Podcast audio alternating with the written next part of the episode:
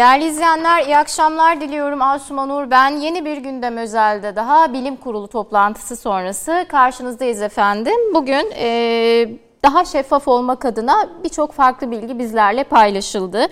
Ee, bugün Türk halkının merak ettiği aslında yeni vaka sayıları e, paylaşıldı. Sayın Bakanımız yeni vaka sayısının 28.351 olduğunu söyledi. Yani e, semptom göstermeyen ve bundan sonraki koronavirüs tablolarımızda artık günlük yeni vaka sayısını da göreceğiz. Bu bugünün aslında en önemli haberlerin başında geliyor. Zira e, birçok bilim insanı, birçok hekim daha şeffaf olmak adına bu verinin ısrarla paylaşılması gerektiğini istiyordu efendim. Tabi İstanbul salgında 3. zirveye yaşıyor. E, bu not düşüldü ve bütün 15 ilde vakalar %50 arttı. Tabi geçtiğimiz hafta alınan tedbirler var. E, bu tedbirler kapsamında aslında ilerleyen günlerde vaka sayımızın düşmesini bekliyoruz. Umarım olacak. Tabi aşı çalışmalarıyla ilgili açıklama yaptı bakanımız ve şu anda aslında en önemli haberlerden biri de yerli aşımız var biliyorsunuz Erciyes Üniversitesi TÜSEP İşbirliği tarafından gerçekleştirilen ve 44 gönüllüye uygulandı. Bununla ilgili güzel haberler de verdi ve bizim aslında yerli ve milli aşımız inşallah bir aksilik olmazsa Nisan ayından itibaren e, yapılacak ve ilerleyen zamanlarda belki bu aşıyı da biz yurt dışına ihraç edeceğiz efendim. Tabii yoğun bakım doluluk oranları söylendi. Servisteki yataklar doldu. Bunlar biraz söylendi. Hemen söyleyelim, bilgi verelim. İstanbul'da %70 civarında ve Türkiye'de yoğun bakım e, yataklarımız dolu. Bazen şunu duyuyorsunuz işte yoğun bakım yatacak yer bulamıyorum diye İstanbul'da söyleyen insanlar var. Bunu tabii değerli konuklarımıza soracağız. Gerçekten bir yoğun bakım yatak sıkıntısı Türkiye'de var mı? Ama bakanımız %70 oranında Türkiye'de e, yoğun bakımların e, dolu olduğunu söyledi. Yani bir boşluk var. Tabii ki de dolmasını istemiyoruz. Bizim yoğun bakımlarımız boşalsın. Evler de olsun istiyoruz aslında. Biraz bunları da konuşacağız. İlerleyen haftalarda test sayımızı 200 bine çıkaracağız. Aslında gene başa geldik. E, pandeminin ilk dönemlerinde, ilk aylarında çok çok daha fazla yoğun test yapılması söyleniyordu. Geldiğimiz noktada test sayısı da arttı efendim. 50 ee, milyon doz aşı alacağız. Ee, bakanımız bunu da söyledi. Biraz internette de okumuşsunuzdur. Ee, aşıların henüz sipariş edilmediğine yönelik bazı haberler verdi. Sayın Bakanımız buna da bir açıklık geçirdi ve 50 milyon doz aşı alacağız. Bunun siparişleri verildi dendi. Ve bugün maalesef en fazla canı kaybettiğimiz gün salgından bu yana e, yanlış hatırlamıyorsam 168 kişi maalesef hayatını kaybetti. 6814 kişiye de hastalık tanısı konuldu. Bugün koronavirüs e, için Türkiye gündeminde tarihi günlerden biri. Umarım e, böyle bir tarih bundan sonra yazmayız. Bugün stüdyoda ben yalnızım ama sizler izleyicilerimiz ve konuklarımız bizi yalnız bırakmadılar. Üç değerli konuğumuz Skype bağlantısıyla uzaktan bizlere konuk olacak ve Ankara Stüdyo'da değerli arkadaşımız var. Hemen konuklarımızı tanıtayım size. Ee, Sayın Profesör Doktor Necmettin Ünal, ee, hoş geldiniz değerli hocam yayınımıza TVNet'e. İyi akşamlar, iyi yayınlar Teşekkürler diliyorum. Teşekkürler Necmettin Hocam, sağ olun. Sayın Profesör Doktor Celalettin Korucu, Türk Göğüs Cerrahisi uzmanı. Hoş geldiniz Celalettin Hocam. E, çok teşekkür ederim. İyi Teşekkürler, diliyorum. hoş geldiniz. Kırmadınız. Necmettin Hocam da keza. Sayın Doktor İbrahim Ersoy Ankara Stüdyo'da Sağlık İletişim Derneği Başkanı, aynı zamanda hekim, aynı zamanda bir medya mensubu. Hoş geldin İbrahim sen de yanımıza. Merhabalar, iyi Merhaba. akşamlar. Ve ilerleyen saatlerde ikinci bölümde programı Sayın Profesör Doktor Hakan Oğuztürk bizlerle olacak. E, Acil Tıp Kliniği İdari Sorumlusu Ankara Şehir Hastanesi. E, Necmettin Ünal'ım da Yoğun Bakım Derneği'nde görevi var. Tekrar hoş geldiniz. Şimdi Necmettin Hocam'la başlayacağım yine. Hocam merhabalar. Bugünkü açıklamalar e, sizle daha önce de biz yayınlar yaptık. E, zaten birçok TV kanalında ve Twitter'da aktif kullanıyorsunuz. Şeffaflığa çok vurgu yapan insanlardan biriydiniz. Bugün aslında başından beri söylediğiniz e, birçok veri paylaşımı hakkında bilgi sahibi olduk. Bugün bu yüzden bence tarihi günlerden biri. Şimdi bir iki sorum var öyle girelim size. E, bugünkü açıklamaları siz nasıl değerlendiriyorsunuz? E, Bugün bayağı şeffaftı Sayın Bakanımız. Bundan sonra daha şeffaf olunması adına, e, halkın daha iyi tedbirler alması adına ve sağlık çalışanlarının lehine ne gibi uygulamalar yapılması bekleniyor? Sizi rahatsız eden şeyler var mı hala? E, bu süreçte bunu soracağım. Bir de şu çok önemli şu anda benim için sağlık çalışanları tükendi. Şu anda siz mesela yoğun bakım sorumlusunuz fakat e, sağlık insan gücümüz şu anda çok yıpranmış durumda. Ben geçtiğimiz günlerde doktoruma gittim. Asuman ameliyatlara katılacak hemşire bulmakta zorlanıyoruz dedi. E, ve ameliyatlar bu yüzden erteleniyor. İki soruyu yayının başında değerlendirmenizi rica edeceğim. Buyurun Necmettin Hocam. Vallahi o kadar çok şey söylediniz ki Asuman Hanım ben soruyu kaçırdım. ee, bir defa e, bir tane soruyu yakaladım. Hı hı. Sizi rahatsız eden bir şey var mı dediniz. İsterseniz oradan tamam başlayayım. Tamam hocam buyurun. Var tabii ki. Var tabii ki. Salgında olmak beni çok rahatsız ediyor. Hı hı. Keşke salgında olmasak. Ee, şu anda dünyada bu konuda rahatsız olmayan hiç kimse olduğunu zannetmiyorum. Hepimiz hı hı. rahatsızız. Ee, dolayısıyla e, rahatsızlığımızı güdüleyen başka faktörler var mı? Tabii ki var. Bu salgın bir senedir devam ediyor. Türkiye'de Mart'ta başlamış olabilir ama geçen sene Eylül, Ekim aylarında başlayan bir salgından bahsediyoruz. Ve trendi sürekli artıyor. Dünyada artıyor yani Türkiye'den bahsetmiyorum ben. Türkiye'de şu anda geldiğimiz en yüksek vaka sayılarıyla e, karşı karşıyayız. Sayın Bakanım bugün açıklamalarını hepiniz dinlediniz. Ben kısmen dinleyebildim. E, bunlar tabii ki çok rahatsız ediyor ve ne yapacağız diye düşünmek mecburiyetinde kalıyorum. E, rahatsız eden başka konular da var tabii. O bu kadar süredir e, hem halk işinden gücünden olmuş vaziyette, ekonomi olumsuz darbe almış durumda. Sağlık personeli çok yoruldu, e, sürekli çalışmak zorunda. Özellikle belli branşların iş yükü çok fazla. Artı belli branşlar derken yoğun bakımı ayrıca değerlendirmek istiyorum. Şimdi bu hastaların işte yüzde sekseni hafif geçiriyor ya da belirtisiz geçiriyor. Yüzde on beş yirmisi ağır geçiriyor. Bu ağır geçirenlerin bir kısmı çok ağır geçiriyor ve yoğun bakıma yatıyor. Ölüm oranı yüksektir, alçaktır o ayrı bir tartışma ama yoğun bakıma yatanlardaki ölüm oranının yüksek olduğu kesin. E, bu personel 9 aydır e, bu ölümlerle karşı karşıya kalıyor ve hiç hoş bir iş değil. Rahatsız tabii ki. Rahatsızız, hepimiz rahatsızız. E, başka bir konu var.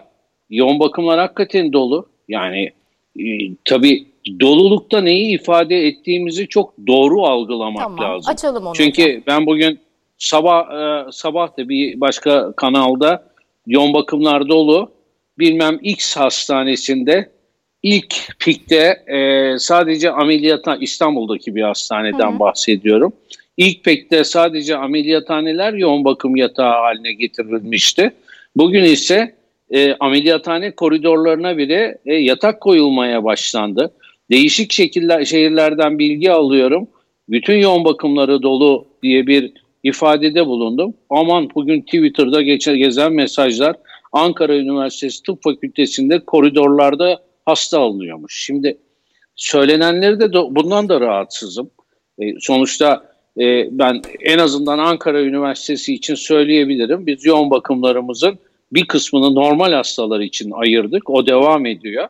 Diğer kısmını COVID hastaları için ayırdık. O da devam ediyor. Dolu muyuz? Evet doluyuz. Ama yetişemeyen yerlerimiz var. Hasta seçme durumuna gelen yerlerimiz var. Dolayısıyla yoğun bakım e, doluluk oranları yüksek. E, Bakan Bey %75 diyor ama gerçekten COVID hastası alan yerlerde be, belli şey, bütün Türkiye'yi değerlendiriyor Bakan Bey ya da bütün şehirdeki tüm yoğun bakımları değerlendiriyor. Öyle baktığınız zaman bizim hastanede de boş yoğun bakım yatağı var ama ikinci seviyede var, birinci seviyede var. Ama bu hastaları alabileceğimiz ve şu anda üniversite yönetimince COVID'e açılmış olan yatakların hepsi dolu. Dolayısıyla olayı doğru anlamak lazım ama İstanbul'da siz de ifade ettiniz. ikinci pik, üçüncü pik e, ismi çok enteresan değil. En yüksek vaka sayılarındayız. Oradaki arkadaşlarımız imdat diyorlar. Oranın durumu çok farklı. Bugün Bakan Bey söyledi 15 ilde çok ciddi vaka artışı var. E, o illerde %50'lere varan artışlar var bir önceki şeye göre. E, bunların hepsi beni rahatsız ediyor. Niye rahatsız ediyor? Çünkü tamam tedavi için bir şeyler yapıyoruz, çırpınıyoruz. Olasılığı olan her şeyi denemeye çalışıyoruz ama sonuçta net olarak özetimiz şu. tedavi için elimizde yüzde yüz etkinliği gösterilmiş bir antiviral ilacımız yok. E işte o biraz etkili, bu biraz etkili deyip bir ilaç tedavisi düzenliyoruz ve kurtarabildiğimiz hastayı kurtarıyoruz. Kurtaramadığımız vefat ediyor maalesef. Böyle bir ortamda rahat olmak için hiçbir sebep yok. Ben rahatsızım. Hakikaten rahatsızım. Ama bu rahatsızlığımızı doğru yorumlamak lazım. Doğru yollara gidebilmek için bu rahatsızlığımızın oluşturan, bu rahatsızlığı oluşturan tecrübelerden faydalanmak lazım. Ha bugün olan iyi olayları söyleyeyim. Hı. Rahatsızlık içerisinde hı hı. pozitif şeyler de var. Evet. Aylardır söylüyoruz şeffaflık, şeffaflık, hı hı. şeffaflık diye. E, Sayın Bakan bugün işte 26 bin gibi bir vaka açıkladı. E, o da bir rahatsızlık sebebi. Şöyle rahatsızlık sebebi Nisan ayında en yüksek vaka sayısı 5 binde. Şu anda 5-6 katına çıkmış durumdayız. Türkiye bu salgının başladığı zamandan beri en kötü durumunda. Ondan dolayı rahatsızız. E, ama tabii bu rakamlar açıklanınca açıklandı da ne oldu? Sadece rahatladık. E, bugüne kadar niye açıklamıyordunuz o zaman? Yani ne kaybettik? Bilgiyi paylaşmak, e, o bilginin olumsuz yönünü çözmek için paylaşmak, şeffaf olmak hakikaten etki herkesin katkısını arttıracaktır. Sayıyı paylaştıkları zaman, bu kadar fazla olduğunu söyledikleri zaman ülkemizdeki vatandaşların kurallara uyumu daha fazla olacaktır. Vesaire vesaire bu şekilde gidiyor. Rahatsızız ama bunun içinde güzel şeyler de duyuyoruz. Mesela bugün açıkladı ilk defa Sayın Bakan. Sabah bu bilgi bende yoktu. Ee, Çin'le yapılan anlaşmada 50 milyon rakamına çıkılmış. Halbuki daha önce 10 artı 10 diye açıklamıştı. Ve Sayın Bakan bir şeyi açıkladı. Bunun anlaşması imzalandı demek. 50 milyon aşı demek, doz demek 25 milyon kişinin aşılaması demektir. Bir öncesine göre bir gelişme. E, BioNTech ile ilgili açıklama yine aynı. Bu sene 1 milyona kadar aşı verilecek. Önümüzdeki sene 25 milyona tamamlanmaya çalışılacak. Oranın anlaşmasında anladığım kadar nihai noktaya henüz gelinmemiş. Ama burada e, yani rahatlığın içerisindeki rahatsız. Bu, bu haberi duymaktan çok mutluyum. Ama bazı şeyleri sorguluyorum yine. Çin aşısından 50 milyon alıyor olmak hakikaten çok güzel. Ama Çin aşısı geriden geliyor. Daha çalışması devam ediyor. Yan etkileri, etkinlik düzeyiyle ilgili parametreler daha hiç benim bildiğim en azından açıklanmadı. Diğer taraftan BioNTech aşısı 10 Aralık'ta Amerika Birleşik Devletleri'nde uygulanmaya başlanacak. Türkiye'de 10 Aralık'tan itibaren 1 milyon tane aşı almış olacak. Bu aşı ne zaman gelecek? Dağıtım zinciri yapıldı mı? E, bu 1 milyonluk aşı kimlere vurulacak? En önemlisi o. Sağlık personeline mi öncelik verilecek? Yüksek riskli kişilere mi öncelik verilecek? Bunlar nasıl seçilecek? Bu parametreler şeffaf mı olacak, e, şeffaf olmayacak mı? Dolayısıyla güzel haberler var. Bu, bu haberlerden mutluluk duyuyorum. Ama hemen sorgulama ihtiyacı duyuyorum. Bunlar nasıl olacak diye. Şu andaki duygularım, rahatsızlıklarım ve rahatsızlıklarım bu ölçüde. E, Asuman Hanım başka sorunuzu kaçırdım mı bu arada? Hocam ee, onu o zaman o ikinci bölümde bir diğer sorumda sorayım. Biraz sağlık çalışanlarının durumunu benle paylaşmanızı rica edeceğim. Sahada biri olarak özellikle yoğun bakım hemşireleri yani hemşireler hasta ile en çok zaman geçiren insanlar ve e, patır patır Covid oluyor sağlık çalışanları. Yani insan gücüne bizim çok fazla ihtiyacımız var. Bu acaba tedavileri aksatır mı? Biraz onlarla ilgili sorum olacak ama arzu ederseniz Celalettin Hocama döneyim. Ondan sonra bu soruyla devam edelim. Ayrıca size şunu da soracağım. E, aşı gelince siz tabii deney e, aşıyı yaptırdınız kendinize biliyorum ama mesela farklı ülkelerin farklı aşıları var. E, o aşılardan daha fazla seçeneğimiz olsa hangisini yaptırırdınız onu da merak ediyorum. Onu da soracağım size. Ee, şimdi Celalettin Hocam'a döneyim. Hoş geldiniz Celalettin Hocam yayınımıza. Göğüs cerrahisi uzmanı tekrar. İyi yayınlar. Merhaba, hoş geldiniz. Şimdi e, Şeffaflık adına başka neler gerekiyordu? Yani bakanımız aslında talepleri değerlendirdi ve açıklamaları yaptı. Artık e, çok daha şeffaf olunacak, çok daha halkın paylaşımına açılacak başka şeyler, birçok bilgi. Siz bakanımızın açıklamalarını nasıl değerlendiriyorsunuz? Bir de tabii siz e, hem özel bir sağlık merkezinde çalışıyorsunuz ve göğüs cerrahisi uzmanısınız, bir cerrahsınız.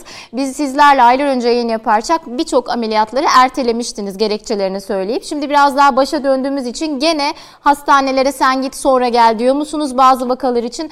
Özel hastanelerdeki durum nedir? Bir de özel hastane temsilcisi olarak size şunu yöneltmek isterim. Tabii özel hastanelere gittiğinizde 500-600 lira civarlarında e, test ücretleri ödüyorduk. Şimdi onlar 250'li civarı düştü. Biraz bu konuyu da değerlendirmenizi isteyeceğim eğer mümkünse. Buyurun hocam. Tabii ki.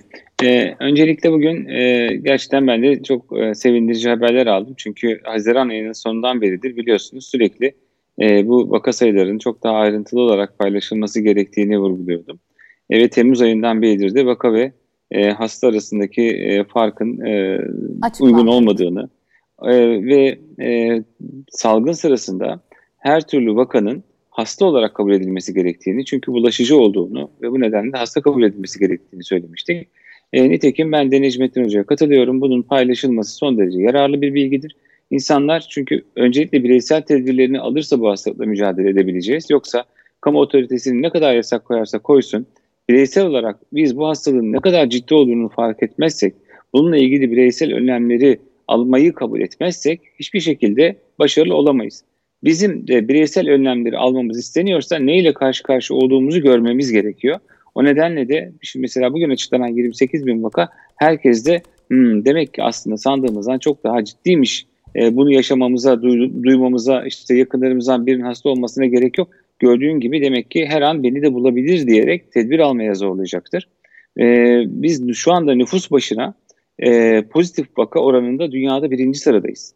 E, Amerika'da Hindistan'ın arkasından günlük vaka sayısında şu anda üçüncü sıradayız ama nüfus başına eğer bakarsanız hastalığın ne kadar tehlikeli boyutta olduğunu ülkemizde e, e, anlayabiliriz. Dolayısıyla tedbirimizi demek ki ne yapacağız? Çok daha fazla arttıracağız. E, her an bizim kapımızı bu hastalığın çalacağını e, unutmayacağız. Bunu farkına vararak yaşat, yaşantımızı dizayn edeceğiz.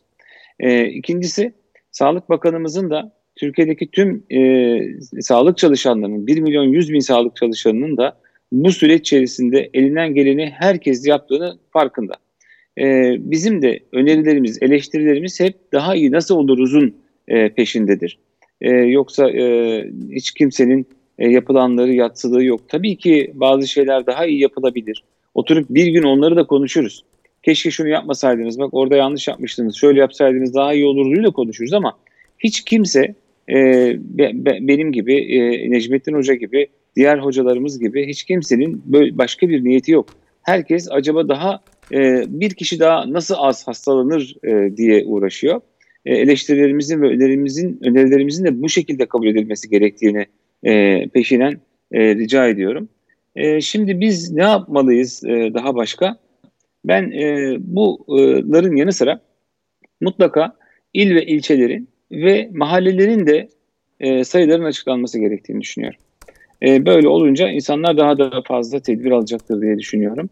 E, bunun dışında e, riskli gruplara da düzenli test yapmalıyız. Şimdi Sayın Bakanımız bugün açıklamasında e, aşılamayı e, öncelikle kimlere yapacağız diye söylediğinde öncelikle sağlık çalışanlarından başlayacağız. Sonra da e, hastalığı bulaştırma e, potansiyeli yüksek olan riskli gruplara yapacağız diye saydığında ki benim aylardan beri de söylediğim e, şoförler, işte gişe memurları, e, güvenlik görevlileri, e, berberler gibi kişileri saydı. İkinci öncelikle onları düşünüyoruz dedi. Demek ki bu kişilerin hastalıklanma riski yüksek, hastalandıkları zaman da yayma riski yüksek. Öyleyse biz bu gruba ve sağlık çalışanlarına düzenli test yapmalıyız.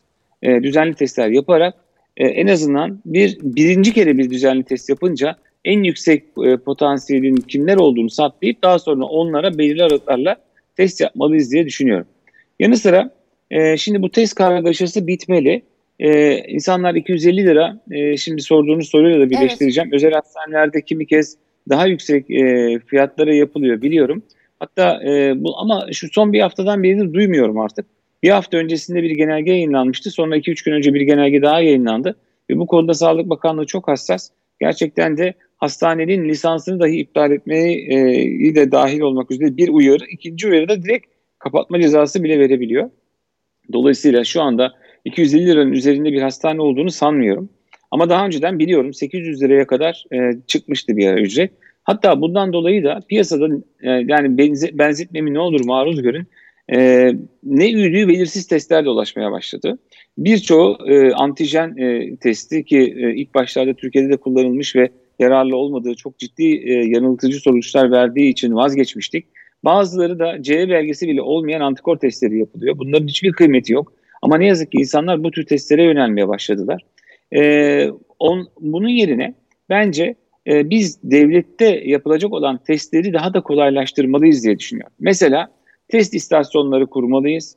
Hastanelerin dışında da e, meydanlarda, büyük kampüslerde testler yapmalıyız. Tarama testleri yapmalıyız. Şimdi biz hastaneye kimler başvuruyor? E, biliyorsunuz Covid'den dolayı şikayeti olan e, kişiler başvuruyor. Şikayetlerinde neler olduğunu aylardır biliyoruz. Bu şikayetlerden en az iki tanesi varsa bakanlıkın e, e, çalışmasına e, mümkün oluyor o testler ve kanınızı, e, şey, testinizi özür dilerim, PCR testinizi verebiliyorsunuz. Ama eğer bu testleriniz yoksa ya özel olarak vermeniz gerekiyor, para vermeniz gerekiyor ya da bu şikayetleriniz olmadığı halde şikayetiniz varmış gibi söylemeniz gerekiyor. Şikayetiniz varmış gibi söylediğinizde eğer testiniz negatif çıkarsa 14 gün karantinada kalmanız gerektiği için de insanlar orada bir sıkıntıya giriyorlar. Biz bunu birazcık daha kolaylaştırmalıyız. Yani hastalıklı arama e, e, yerine bir de tarama testlerine yönelmeliyiz. O tarama testleri de bence e, bahsettiğim yerlere istasyonlar kurularak gerçekleştirilebilir. Yanı sıra yurt dışından gelenleri de mutlaka test yapmamız gerekiyor diye düşünüyorum. Şu anda biz yurt dışından gelenlere test yapmıyoruz. Ama biz nereye gidersek gidelim, neredeyse dünyanın hangi ülkesine gidersek gidelim bizden test istiyorlar. Dolayısıyla bence e, Türkiye'de evet şu anda tek derdimiz yurt dışından gelenler mi demeyin. Onlar da e, ciddi miktarda e, bir hastalık yüküne maruz bırakabilir bizi. Yanı sıra onları da korumamız gerekir diye düşünüyorum. Gelen misafirleri de yurt dışından gelen misafirleri de korumamız gerekir. Dolayısıyla test yaptırmak iyi olabilir. Yanı sıra 200 binin üzerinde test yapılacağını söyledi Sa- e, Sağlık Bakanımız. Bu beni çok sevindiriyor gerçekten de. Ne kadar çok test yaparsak o kadar nabzı iyi tutarız e, hastalığın ciddiyetini o derece iyi anlayabiliriz diye düşünüyorum. Bir şey soracağım. Şimdi burada bir... Celalettin Hocam bir araya girin. Madem bahsettiniz o soruyu sorayım. Sonra lütfen sözünüzü unutmayın. Diğer bir bölümde o kaldığınız yerden devam edin. Ya e, testlerin güvenilirliği konusunda da sıkıntılar var. Vatandaşlar testim pozitifmiş. iki gün sonra yaptırdım negatif çıktı diyor. Yani bu testler doğru alınıyor mu? E, güvenilirliği nedir? Ne diyorsunuz? Yani her pozitif çıkan gerçekten pozitif mi? Her negatif çıkan gerçekten negatif mi? Ne görüyorsunuz, ne gözlemliyorsunuz? Bir Hanım bu soru çok çok önemli bu soru. Çok önemli bir konuya temas ettiniz. Şimdi PCR testi eğer doğru bir teknikle alınmış, makine doğru bir şekilde e, yıkanmış, bir önceki testten sonra e, makine iyi bir şekilde temizlenmiş. Testin alınmasıyla e, makinenin çalışmasına kadar geçen süreçler doğru bir şekilde yönetilmiş ise PCR testi pozitifse %100 pozitiftir. Yani sizde virüs var demektir. Ama bakın şimdi virüs var demektir diyorum. Hastalık vardır anlamına gelmez. Tamam bakamız. Neden, neden bunu söylüyorum şimdi? Şimdi en büyük sıkıntılarımızdan bir tanesi şu. Hastalıklanıyor kişi. Tedavi e, alıyor. Sonra diyor ki ben bir gideyim test yaptırayım bakayım negatif oldum mu? Ya böyle bir böyle bir kural yok. Lütfen hastalığınız geçti mi, geçmedi mi diye ben acaba bulaştırıcılığım devam ediyor mu, etmiyor mu diye test yaptırmayın. Hiçbir anlamı yok. Sadece kafanız karışır. Çünkü PCR testi virüsün herhangi bir parçacığının ölü ya da canlı herhangi bir parçacığının parçacığının milyon kere çoğaltılması ile elde edilen bir sonuçtur. Dolayısıyla o anda sizin gerçekten de hasta olup olmadığını tek başına göstermez. Mutlaka klinik bulgularla beraber değerlendirilmesi gerekir. Tamam. Bu nedenle de özellikle bu konu çok önemli. Lütfen testinizi e, acaba iyileşmiş miyim diye kontrol etmek amacıyla yaptırmayın. Böyle bir şey dünyanın hiçbir yerinde önerilmiyor, önerilmiyor bilimsel kaynaklarda. Şimdi şunu Ama da... eğer testiniz negatifse çok özür diliyorum. Testiniz negatifse bu sizin hasta olmadığınız anlamına gelmez. Çünkü en doğru zaman 5 ila 7. gündür. Hı hı. En doğru teknikle alınan testlerde bile en başarılı laboratuvarlarda %67 oranında üretilebilir bu testte virüs. Dolayısıyla da siz negatifseniz klinik olarak, tomografik olarak COVID e, bulguları gösteriyorsanız siz Covid sayılırsınız ve tedaviye başlanırsınız. Yani bugün açıklanan 28 bin küsur hastanın üzerine üçte bir daha koyun. Yani bunu 1.3 ile çarpın. Bugünkü rakam aslında bütün dünyadaki rakamı da bununla çarpmak lazım. Sadece bundan bahset, Türkiye'den bahsetmiyorum. Tüm dünyada günlük açıklanan rakamı 1.3 ile çarpın ki gerçek e, rakamı bulabilirsiniz. O da hastalıklı olan kişiyi. Hastalıklanmadan, kliniği olmadan, ateşi, baş ağrısı vesairesi olmadan kendiliğinden geçiren de yaklaşık olarak 8 katı 10 katı hasta vardır toplumda. Hı hı. Çok teşekkür ederim e, Celalettin Bey. Şimdi Ankara Stüdyo'ya Doktor İbrahim Ersay'a döneyim. Hem medya mensubu e, İbrahim hem de e, hekim kendisi ve sağlığı yani sektörü çok iyi takip eden insanların başında geliyor. Hoş geldin değerli İbrahim. Merhabalar tekrar. Merhaba. Merhaba, kolay gelsin. Şimdi İbrahim seni de değerlendirmeni rica edeceğim. Ee, Bakan Bey'in açıklamalarını. Ee, daha yeni önlemler ne olmalı onu merak ediyorum. Bir de sen yurt dışı medyayı da çok iyi takip ediyorsun. Yurt dışı medya ne konuşuyor? Ee, bizim gibi oturumlar yapılıyor mu? Ha, e, tabii orada da bir kriz yönetimi yapılıyor ama Orada sağlık organizasyonu nasıl yapılıyor? Ee, Birçok hekim ekrana dijital e, mecralara çıkıp e, hemşireler, hekimler, sağlıkçılar bizim gibi tartışıyorlar mı? Ne gözlemledim? Ben biraz onu da merak ediyorum açıkçası. Aslında şu anda e, medya da orada farklılaşmış durumda. Avrupa medyasına bakarsanız hı hı. biraz daha tedavi ağırlıklı ve aşı ağırlıklı şeyler hı hı. gündeme geliyor. Ama mesela bir Güney Kore gazetesine baktığınızda oralara e, veya Yeni Zelanda'nın oralardaki medyaya baktığınızda biraz önce Celalettin hocamın bahsettiği şeylerden bahsediyorlar. Neden bahsediyorlar? Sonuçta bu salgın bir hastalık. Belki de tüm dünya burada bir yanlış yapıyor. Salgın hastalıklar aslında önlenmesiyle ilgili konuşulması gereken şeyler. Ama biz sürekli tedavi edici, aşıyla ilgili e, oraya e, objektiflerimizi çevirmiş durumdayız. Ama ee, ilk başta dediniz işte vaka artık vaka sayısı veya hasta sayısı e, tamam ikisi bir ortak açıklanacak. Ama Celalettin hocamın söylediği özellikle ilçelere, illere kadar bunların gerçekten açıklanması işte 100 binde kaç hasta var o ilde, o ilçede bunun bilinmesi lazım. Neden bilinmesi lazım? Benim gözlemlediğim kadarıyla şu anda e, yerel e, otoriteler çok pasif anlamda e, pasif pasif kaldı. İl hıfzı sıha kurulları. Hı hı. Sadece e, yere, yerel değil mesela Ankara'da bile işte Keçören farklı, Ümitköy farklı, her yer oran e, farklı. Bunlarda bile farklı vakalar var. Ve buralarda da e, tek bir sistem uygulamak bence çok doğru değil.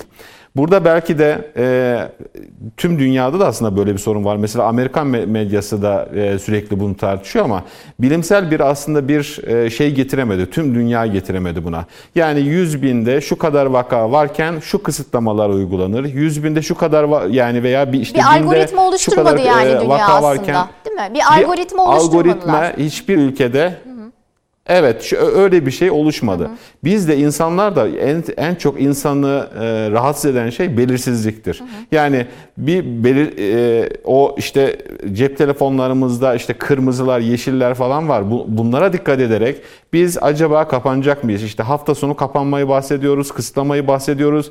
İşte 14 gün kısıtlamayı bahsediyoruz ama bunların bir algoritmasının olması lazım ve insanlar için keskinlik oluşturması lazım. Bununla ilgili maalesef tüm dünya oluşturmadı ama biz oluşturabiliriz e, böyle bir durumu ve insanlar ne zaman kapanacağını aslında bilir veya hangi e, eylemlerinin hangi sonuçlara yol açacağını da bilir. Şimdi 20 26 bin vaka açıklandı diyelim. Yarın bir şey değişecek mi? Ben hocalarım kadar çok ümitli değilim. Yani yine yarın bir şey değişti, değişmeyecek. Şöyle bir vurdum duymaz kesim var. Bunu işte haberlerde şu anda bile hala görebiliyoruz. İşte e, kaçak kafeler açılıyor, kafelerde oturuluyor veya e, şeyler yapılıyor, işte partiler yapılıyor falan. E, bu vurdum duymaz insanlara bir şeyler yapılamıyor. Şimdi bu kısım aslında virüsün yayılım açısından tehlikeli bir e, kesim. Bir bunlara yönelik mesajlar sağlık iletişim açısından verilmesi lazım. Bunlara yönelik ne mesajlar verilebilir? Benim en son aklıma şey geldi. İşte her gün e, ana haberlerde ilk 5 dakika e, işte yoğun bakımlardan e, görüntüler tabii ki hasta mahremiyetini evet. veya o etik kuralları ihlal etmeyecek şekilde en, en son o aklıma geldi. Yani öyle bir şeyler yaparsak aslında insanların başına gelebilir. Veya e, artık hepimizin etrafında mutlaka işte ailesinde, tanıdıklarında şeyler var. Bir de o kesim var. Onlar biraz daha dikkatli. Ya kendi başına gelmiştir ya bir yakının başına gelmiştir. Onlar biraz daha dikkatli davranıyorlar. E, yani bir de kurallara uyan kesim var. Yani Mart'tan beri hakikaten kurallara uyan kesim var. Mesela benim annem babam. Yani e, kapanma olmadan önce kurallara uymaya başladılar. Hala gerçekten o kurallara uyan bir kesim var. Ee, e, işte evden çıkmıyorlar, sadece bahçeye giriyor gidiyorlar. Böyle bir yaşam şekli oluşturmuşlar var.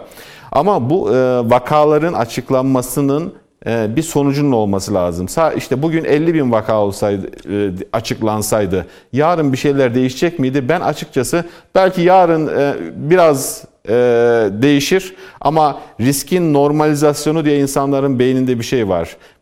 Yarın biraz rahatsız olurlar. Daha sonra da riski normalleştiriyorlar beyinde ve yine aynı şeyler devam edecekti. E, bu yüzden Celalettin hocamın söylediği o bölgesel e, farklılıkların oluşturulması. Biz yani salgının e, salgını tutmamız lazım. Oraya odaklanmamız lazım. Tamam tedavilerle ilgili bir takım gelişmeler var. İşte sayılarla ilgili çok spekülasyon yapılıyor ama biz salgını nasıl önleriz ona yönelik bir şeyler yapmamız lazım. Ve tüm dünyada neredeyse bu yapılmıyor ama uzak doğu hariç. Uzak doğuda bunlar yapılıyor.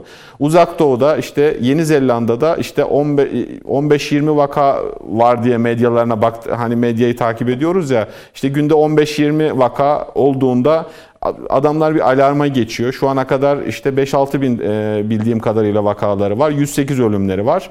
Veya Güney Kore e, ve onlar e, tespit ediyorlar. Yine Celalettin Hocam söylediği o test sayısının çok çok artırılması, test tartışmalarını bir, bir tarafa bırakalım ve test sayısını yani hasta, e, virüsü taşıyan insanları, hastayı vaka ayrımını da bırakalım. Virüsü taşıyan insanları bırakıp izole etmemiz lazım. İzole izole etmenin de de biz belki hatalar yapıyoruz. Çünkü bunun da bir e, evde izolasyon diye bir şey maalesef bunun e, Türkiye'de tutmadığı kesin.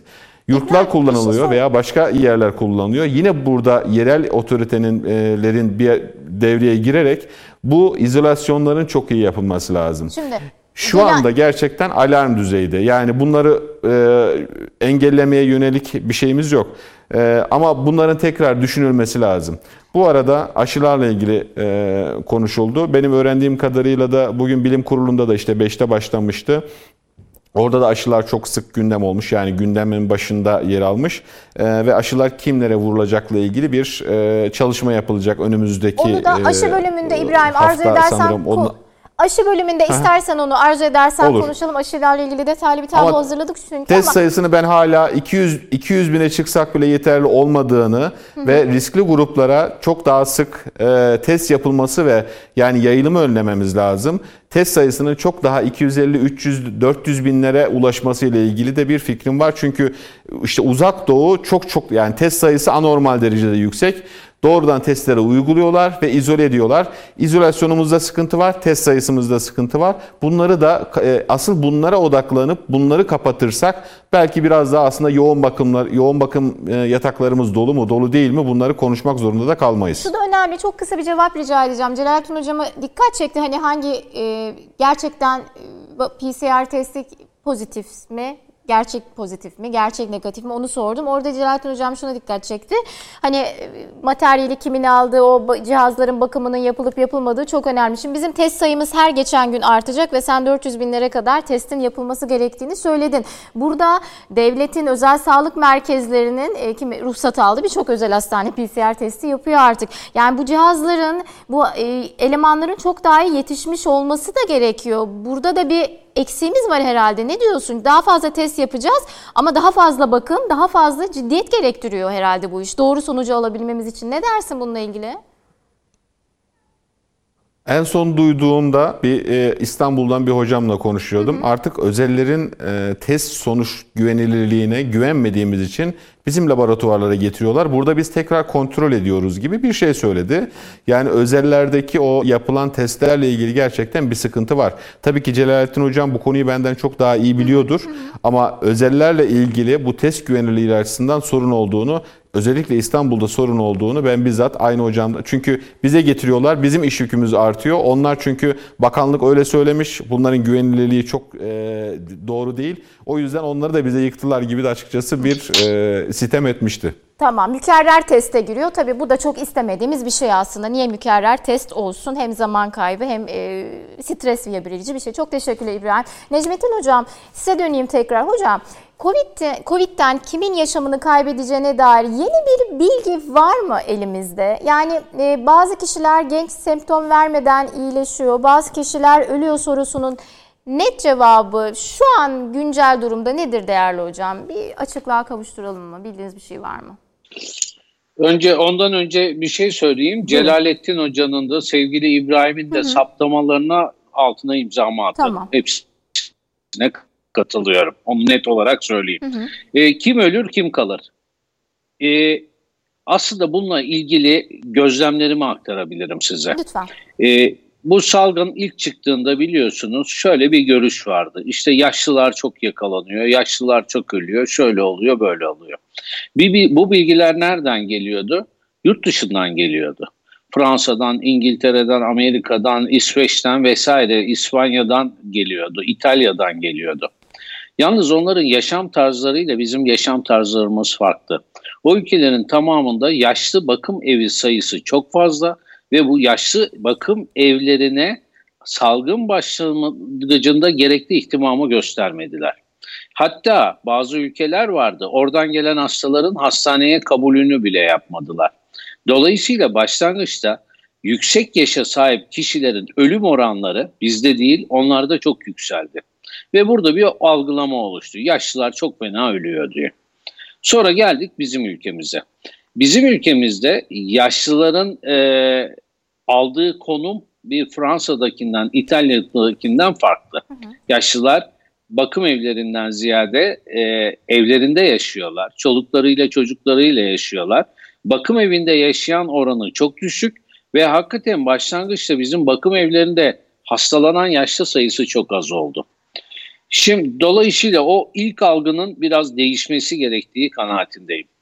Gelelim şu anda yoğun bakımda gözlediklerime. Aslında gözlem bir kanıt değildir ama bir tecrübenin aktarılmasıdır. Şu anda bu ben daha böyle dediğim hocam. için belki daha kıymetli, kıymetli ama e, yani kanıt değeri düşük benim Hı-hı. şu anda söylediklerimin. E, şu andaki gözlemlerimi söyleyeyim ben size ama tekrar altını çiziyorum. Kanıt değeri düşük tamam. ve gerçek çalışmalarla gelen sonuçları e, daha doğru kabul etmek lazım. Bizim ülkemizde de bunu yapmak lazım. Gözlemim şu benim. Belli yaşın üstünde olup birden fazla hastalığı olan kişilere de birçok sebeple birincisi immünolojik yanıtları nedeniyle, ikincisi e, daha az da yetinir hale gelmiş olmalarıyla. Daha az da yetinir derken yeme içmeden bahsetmiyorum. Dokuları, organları daha az oksijenle, daha az kan akımıyla yaşamaya daha adapte olmuş kişiler olduklarını düşünüyorum. Ve bir gence göre daha limitte oksijen sunumu ya da kan akımını tolere edebilecek kompansasyon mekanizmaları geliştirdiklerini düşünüyorum. Tekrar altınız çiziyorum. Bu bir varsayım. E, daha genç erişkinlerde ise 50'lerinde 60'larında olanlarda ise özellikle başka hastalığı olmayanlarda ise bu kompansasyon mekanizmaları yok ve bu hastaların immünolojik yani bağışıklık yanıtları da çok güçlü. Hatta yaşlılara göre abartılı olabilir diyebilirim. Abartılı e, yanıt Celalettin Hocam beni daha iyi anlayacaktır.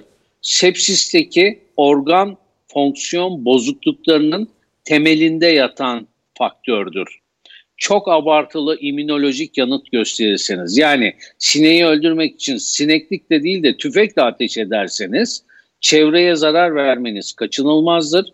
Bu tür fazla immünolojik yanıtı olanlarda da organların zarar görme olasılığı artmaktadır. Artı başka bir faktör var. Genetik olarak bize ailemizden geçen ya da sonra genetiğimizde dış etmenlerle oluşan değişikliklerde bizim hastalıklardan etkilenme oranımızı değiştirebilmektedir. Tüm bunları bir araya topladığımız zaman bazı 50-60 yaşındaki kişilerin hastalıktan etkilenme, hız ve şiddetlerinin bazen yaşlılardan çok daha kötü olduğunu ben kendi yoğun bakımımdaki hastalardan gözlemliyorum. Ve sonuçta şu çıkıyor. Bu hasta, bu hastalık birçok faktöre bağlı olaraktan sonuca varıyor. Ve bu faktörlerin tümünü biz bilmediğimiz için bu hastalığın geldiği zaman kimde çok ağır geçeceğini ve kimi vefatına neden olacağını net olarak söyleyemiyoruz. Artı hastalığın seyrinde başka bir şey daha var. Hastalık geliyor. Tabii ben yoğun bakım tarafına ağırlıklı konuşuyorum. Servisteki hastalardan bahsetmiyorum. Hasta geliyor, yoğun bakıma yatırıyoruz. İlk iki gün, üç gün, beş gün, altı gün hasta iyi gidiyor. Aa tamam herhalde toparlayacağız, işler yolunda gidiyor diyoruz. Bir gecede hasta tepe taklak oluyor. Birkaç saat içerisinde tepe taklak olan hasta var. Orada birisi var. Vücutta bir düğmeye basıyor ve bazı reaksiyonlar oluşuyor.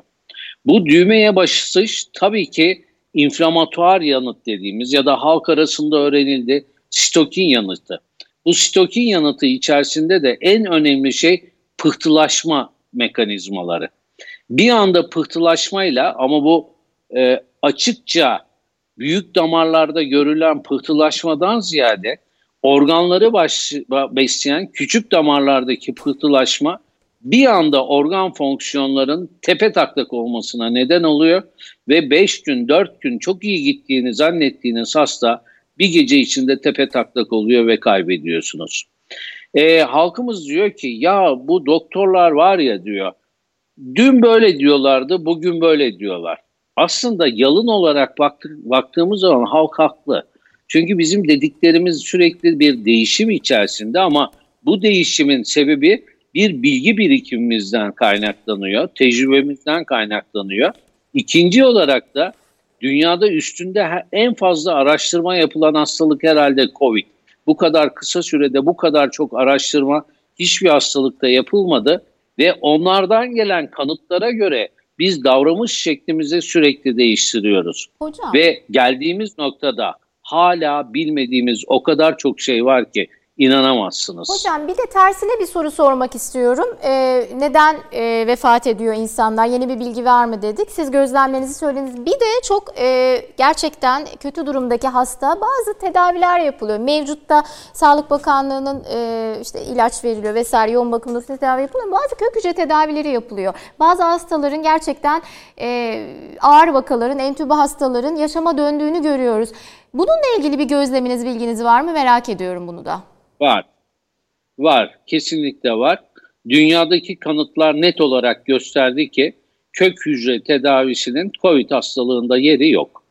E, bu ülkemizde de başka ülkelerde de yapıldı ama bu iş durdu artık ve bu tedavide ısrarcı olmamamız gerekiyor. Hatta e, baş, bazı başka tedaviler de var. Mesela konvalesan plazma yani bu ne demek? Covid hastalığını geçirmiş bir kişinin plazması e, onda e, antikorların oluştuğunu tahayyül ediyoruz, alıyoruz, başka bir hastaya veriyoruz. Bunda da problemler var. Bunun da etkinliği net olarak birçok çalışmada gösterilemedi ama bunun sebepleri var. Şimdi ben e, hastalık geçiriyorum, siz geçiriyorsunuz ya da hepimiz geçiriyoruz. Hepimizin bağışıklık yanıtı birbirinden farklı oluyor. Bu bağışıklık yanıtı bizim bağışıklık sistemimizle alakalı olduğu gibi aldığımız virüs yüküyle ve vücudumuzun genel yanıtlılığı ile ilgili bir olay. Ben mesela çok az antikor geliştiriyorum. İbrahim Bey bizden çok daha genç olduğu için çok antikor geliştiriyor. İbrahim Bey'den aldığınız plazma belki hastaya faydalı oluyor. Benden aldığınız plazma hiçbir işe yaramıyor. Bir de e, uygulamayla ilgili maalesef çok yanlış şeyler yapıldı. E, antikorların ve virüslere yönelik ilaçların etkili en etkili olduğu dönem birinci haftadır. Ama ben çok net biliyorum. Hastalar bana yazıyorlar. Diyorlar ki hocam diyorlar bu bakanlık bana filyasyon ekipleri getirdi ilaçları bıraktı. Ama ben kendimi iyi hissediyorum. Bunları kullanmasam da bir gün kötüleşirsem kullansan olur mu? Olmaz. Olmaz çünkü ilk bir haftada o virüsün çoğaldığı periyotta antiviral kullanmadığınız takdirde o ilacı sonra kullanmanın hiç faydası yok. Aynı durum konvalesan plazma için de geçerli. Ben birinci ayında hastalığın konvalesan plazma kullanılan yerler biliyorum. Açıp soruyorlar. Bizim hastamıza nasıl buluruz hocam? Plazma bulalım. Faydası yok.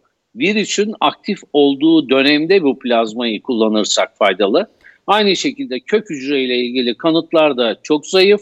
Ee, bu tür anlamsız, maliyetli ve meşakkatli tedavilerin peşine düşmenin alemi yok. Hocam Bilimin de... öngördüğü, ispatladığı tedavileri yapacağız. Hocam ilaç içince kötüleştiğini düşünen insanlar var. İnsanlar nasıl bu noktaya geldi peki? Ee, bazı kişiler kullanmıyor şimdi, ilacı. Şimdi bakın ilaçlarla ilgili bir yanlış algılama var. Ee, dünyada e, yanlışsam Celalettin Hoca beni düzeltsin lütfen. Yan etkisi hiç yok diyebileceğiniz hiçbir ilaç yok. Tamam. Yani suyu bile çok içseniz bir problem olur. Yemeği bile çok yeseniz problem olur. Dünyada en çok kullanılan ilaç aspirindir. Aspirinden midesi delinen var. Reye sendromu olan var. Dolayısıyla hiç yan etkisi olmayan bir ilaç yoktur. Dolayısıyla burada kullanılan ilaçların da yan etkisi kaçınılmazdır.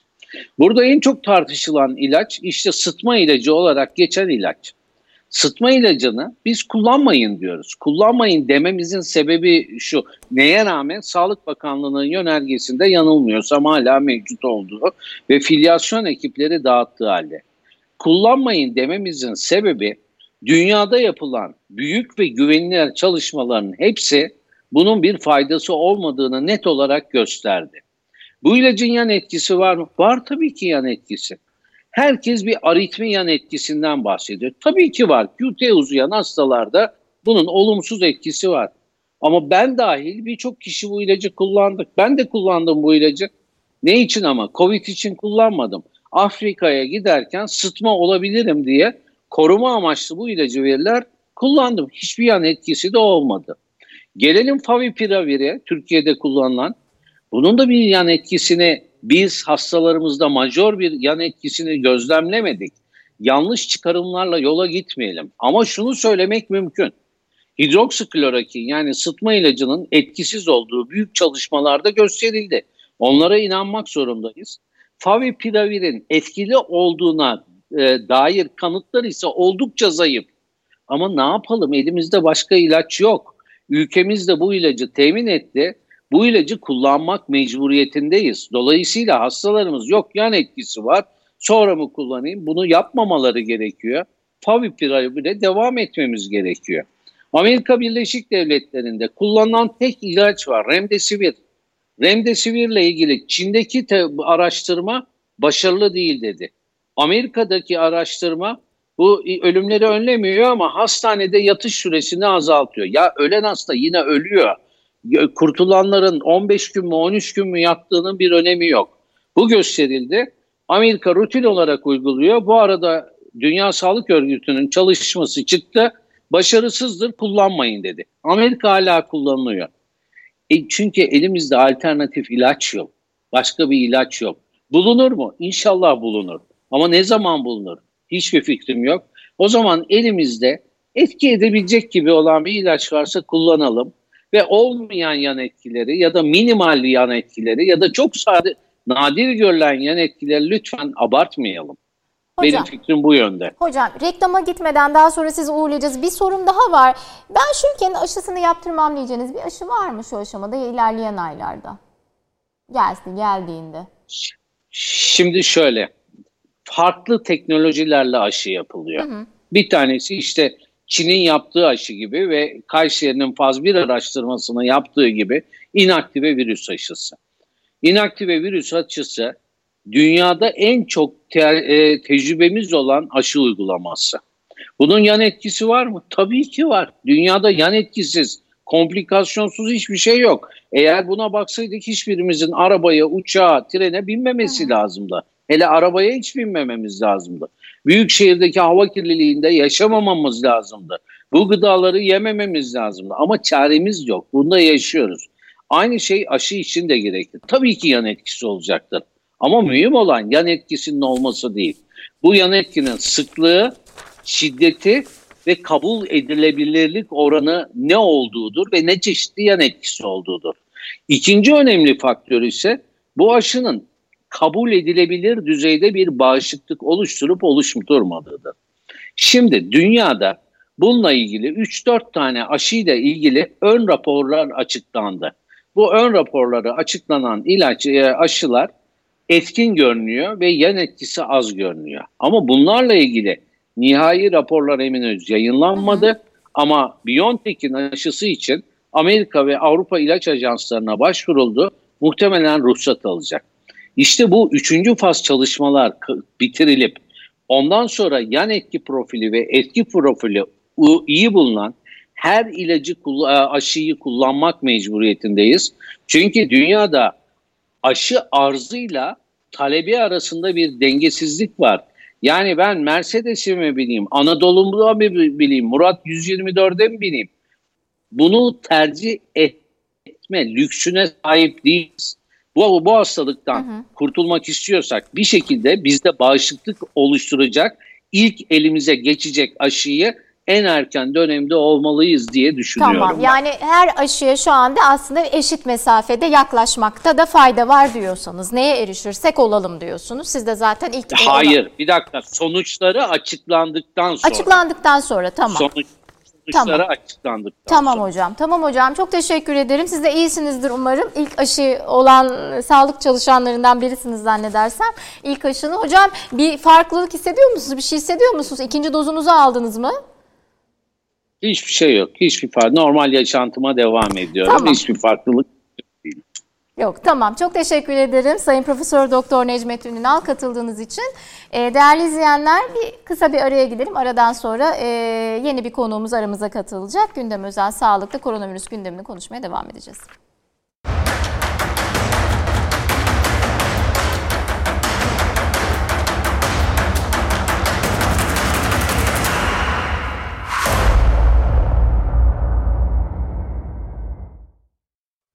Değerli izleyenler tekrar Değerli izleyenler tekrar hoş geldiniz. Asuman Uğur ben Gündem Özel Sağlık'ta koronavirüs gündemini konuşmaya devam ediyoruz. Bugün aslında tarihi e, günlerden biri koronavirüste maalesef can kaybının en yüksek olduğu günü geçirdik. Ama bir yandan da e, uzun süredir vaka sayıları da açıklansın diyordu. Bugün de vaka sayıları açıkladı bakanımız. İlerleyen günlerde artık tabloda hem hasta sayısını hem de vaka sayısını bir arada görme şansına ereceğiz. Birinci bölümden bir iki not paylaşmak istiyorum izninizle.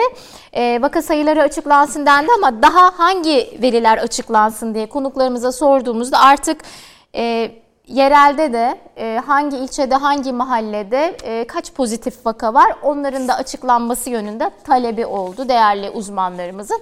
Bunu da birinci bölümün aslında en önemli çıktısı olarak sizlerle paylaşmak istiyorum. Neden? E, hastalar hayatını kaybediyor. Yani son dönemlerde gözlenen farklı bir bulgu var mı? Onu değerli konuklarımı sordum. Ya da yeni yeni tedaviler uygulanmaya başlanıyor. Bunların bir etkisi var mı koronavirüsü atlatılmasında? Bunların da cevaplarını değerli konuklarımızdan aldık. Görüşleri sizlerle buluşturduk efendim.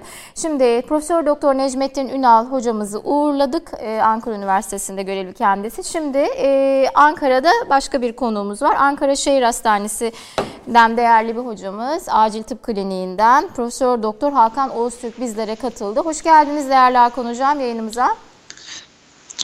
İyi yayınlar Asuman Hanım. Çok teşekkür ederim. Diğer konuklarımız Sayın Profesör Doktor Celalettin Koca Türk. Size tekrar hoş geldiniz. E, göz cerrahisi uzmanı ve Doktor İbrahim Ersoy, sağlık iletişimi uzmanı, aynı zamanda hekim, aynı zamanda medya bu. Tekrar konuklarımızı hatırlatayım dedim. Müsaadenizle yeni misafirimize devam etmek istiyorum. Şimdi bir acil servislere uzanalım Hakan Bey. Bir acil servise gidelim.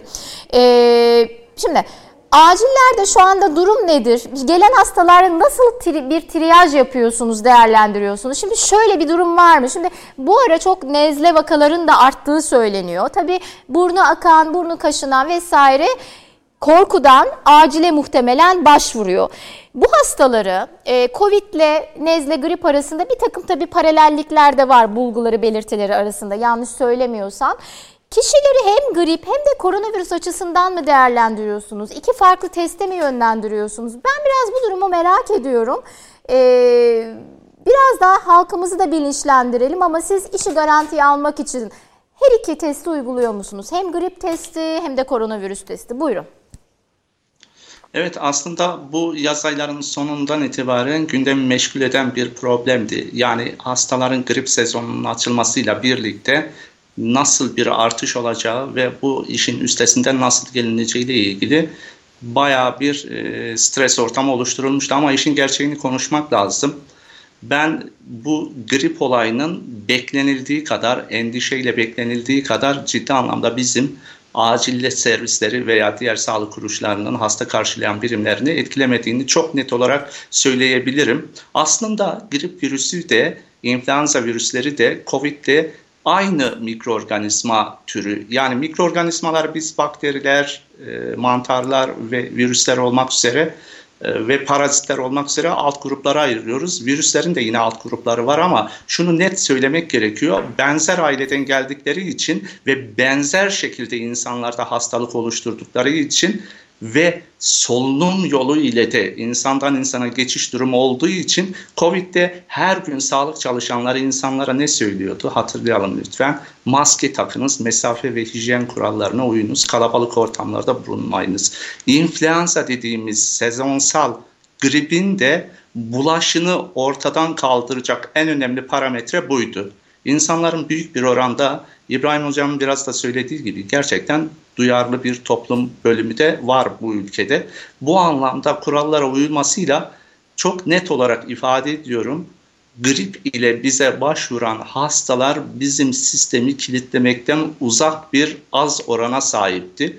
Umarım bu şekilde devam eder ama sizin de söylediğiniz gibi biz grip ile COVID hastalığının benzer şikayetler oluşturması nedeniyle klinik olarak da acil tıp uzmanları olarak klinik olarak da ayrıma gidecek bazı donelere, parametrelere sahibiz. Ama Her hocam şeyden biraz önce... zaman çok özür dilerim sözünüzü bölüyorum. Hani biraz zamansızlık da oluyor acillerde hızlı müdahale etmeye çalışıyorsunuz. Tabii bu bir işte travma değil, bir kalp krizi değil ama orada çok hızlı karar vermeye çalışıyorsunuz. Doğru teşhise yaklaşmak için. Yani orada ayırıcı tanı için yeterince vaktiniz oluyor mu?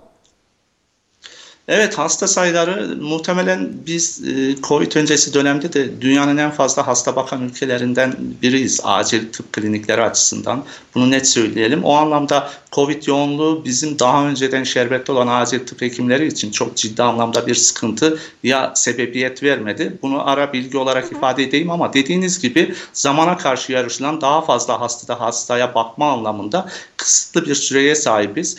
Ama ben Ankara Şehir Hastanesi özelinde konuşayım. Bizim hastanenin laboratuvar imkanları hem COVID'in PCR testiyle hem de antikor kandaki antikor testiyle veya sürüntü antikor testiyle saptamasını yapabiliyoruz.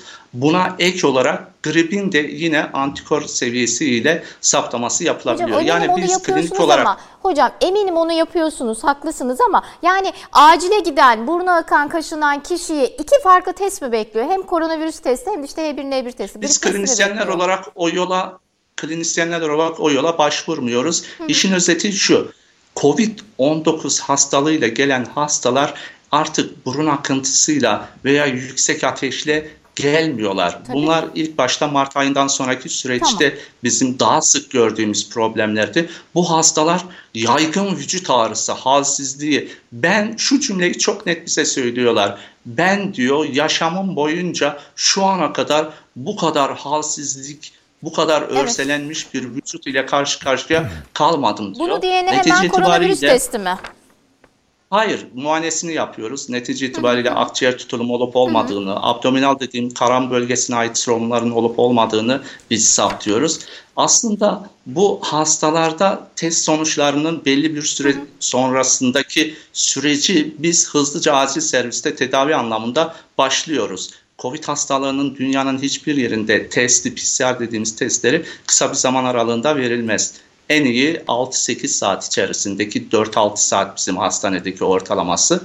Siz o sonucu beklemek zorundasınız kesin tanıyı verebilmek için. Ama bu tür hastalarda net olarak söyleyelim ikisinin de klinisyen olarak %100 ayrımını yapıyorum demek çok da reel bir, rasyonel bir yaklaşım olmaz kesin ayrımını yapabilmek için laboratuvar destekli bir süreci başlatmanız gerekiyor. Değerli hocam çok kısa bir cevap rica ediyorum. Acil servislerde, aile sağlığı merkezlerinde çok iyi bir organizasyon yapılması gerekiyor. İnsanların iç içe olması, mesafelerin korum mesafe, sosyal mesafe sağlayabilmeleri için.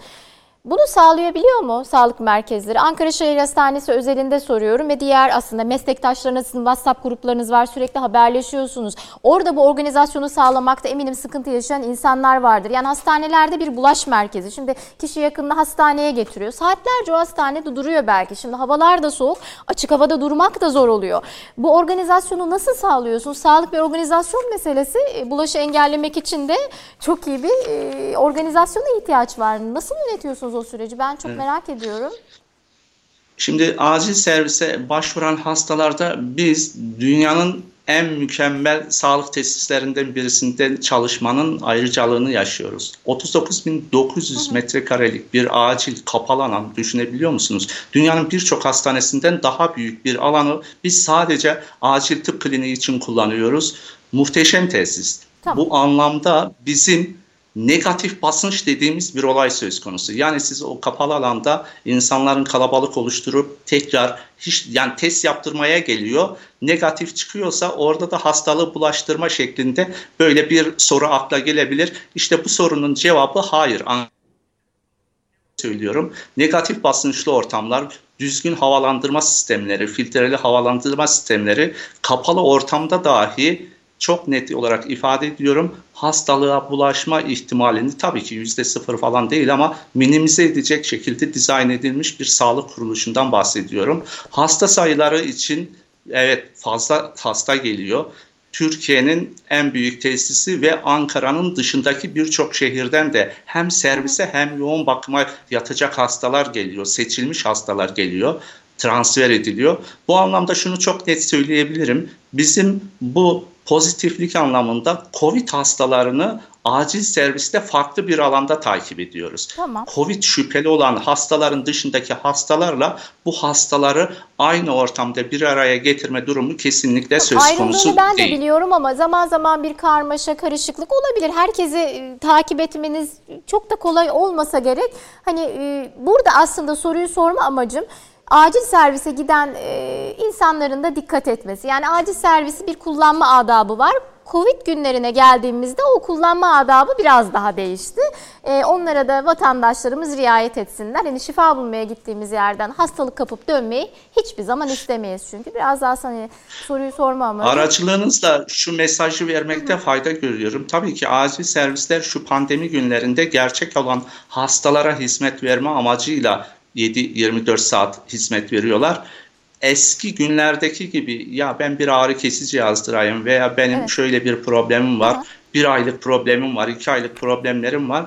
Tabii ki ülke vatandaşlarından bu tür şikayetlerle gerçek hastaların zamanından çalma adına acil servisleri kalabalık oluşturma adına meşgul etmemelerini özellikle rica ediyorum. Ankara Şehir Hastanesi özelinde yine bir cümle söyleyeyim. Siz diyorsunuz ki triyajından yatışına kadarki süreçte tabii ki zorlu bir süreç var ama övünerek ifade ediyorum ki Ankara Şehir Hastanesi'nde hocasından uzmanına, asistanına ve diğer sağlık personeline kadar yani 7-24 saatin şu an mesela ben size çok net olarak ifade ediyorum 23-12 şu an itibariyle Ankara Şehir Hastanesi acil servisinde doçent profesör nöbet tutuyor.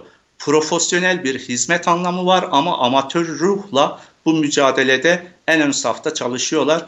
Bu anlamda sizin aracılığınızla nöbetteki arkadaşlarıma da selamlarımı yolluyorum. Tamam çok teşekkür ederim. Aslında ben hani bütün acilcilerin durumunu da biraz burada e, ortaya da sermek istedim. Lütfen yardımcı olalım. Ee, çok teşekkür ediyorum. Celalettin Hocam size döneyim. Ee, aşı tablosunu da arkadaşlar ekrana verebiliriz ama aşı tablosunu da biraz e, değerlendirmenizi rica edeceğim Celalettin Hocam. Mümkünse sonra İbrahim'le de değerlendireceğiz ama Celalettin Bey Erteliyor musunuz ameliyatları? Şu anda devlet hastaneleri özel sağlık merkezlerindeki cerrahlar hangi vakaları önceliklendiriyor? Hangi vakalara sen git sonra gel diyor? E, bu benim bir klasik sorum. Size daha önceki yayında da sormuşum. Ne diyorsunuz? E, şimdi ben göğüs cerrahıyım biliyorsunuz Hı-hı. ve en çok akciğer kanseriyle Hı-hı. ilgileniyorum. E, bu soru vesilesiyle şu e, konuya bir açıklık getirmek Hı-hı. lazım.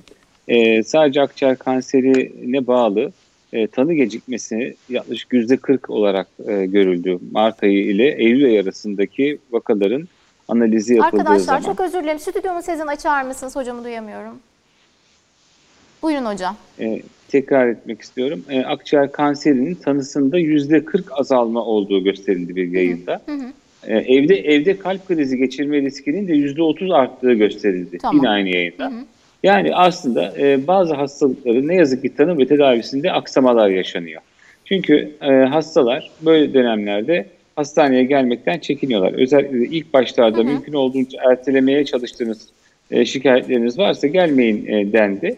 Ama o sıralarda hatırlayın yine sizin e, kanalınızda da lütfen e, bunu e, dikkate alın. Eğer şüphelendiğiniz bir e, hastalık varsa ya da bir şikayetiniz varsa ve geçmiyorsa sakın ya bir şey yoktur diye e, önemsememezlik yapmayın. Çok önemli bir hastalığın bulgusu olabilir. Bir baş ağrısı, beyin kanserinden tutun da anevrizmaya kadar e, birçok hastalığın bulgusu da olabilir. O nedenle lütfen e, ya 112'yi arayın, oradaki bir sağlık çalışanından yardım isteyin. Ya sizi takip eden doktoru arayın ya da aile hekiminizle görüşün ve acile ya da hastaneye gidip gitmemeniz gerektiği konusunda yardım alın demiştik. Ama ne yazık ki bu çok olmadı. Birçok insan erteledi. Ee, bundan dolayı da ben günlük pratikte görüyorum şimdi? Çok sayıda hasta görüyorum. Akciğer kanseri tanısı ne yazık ki çok geç koyduk. Ee, bu nedenle de çok hastalık ilerlemiş olarak geliyor bize. Ve en önemli tedavisi olan e, ameliyatı ne yazık ki birçok hastaya yapamıyoruz.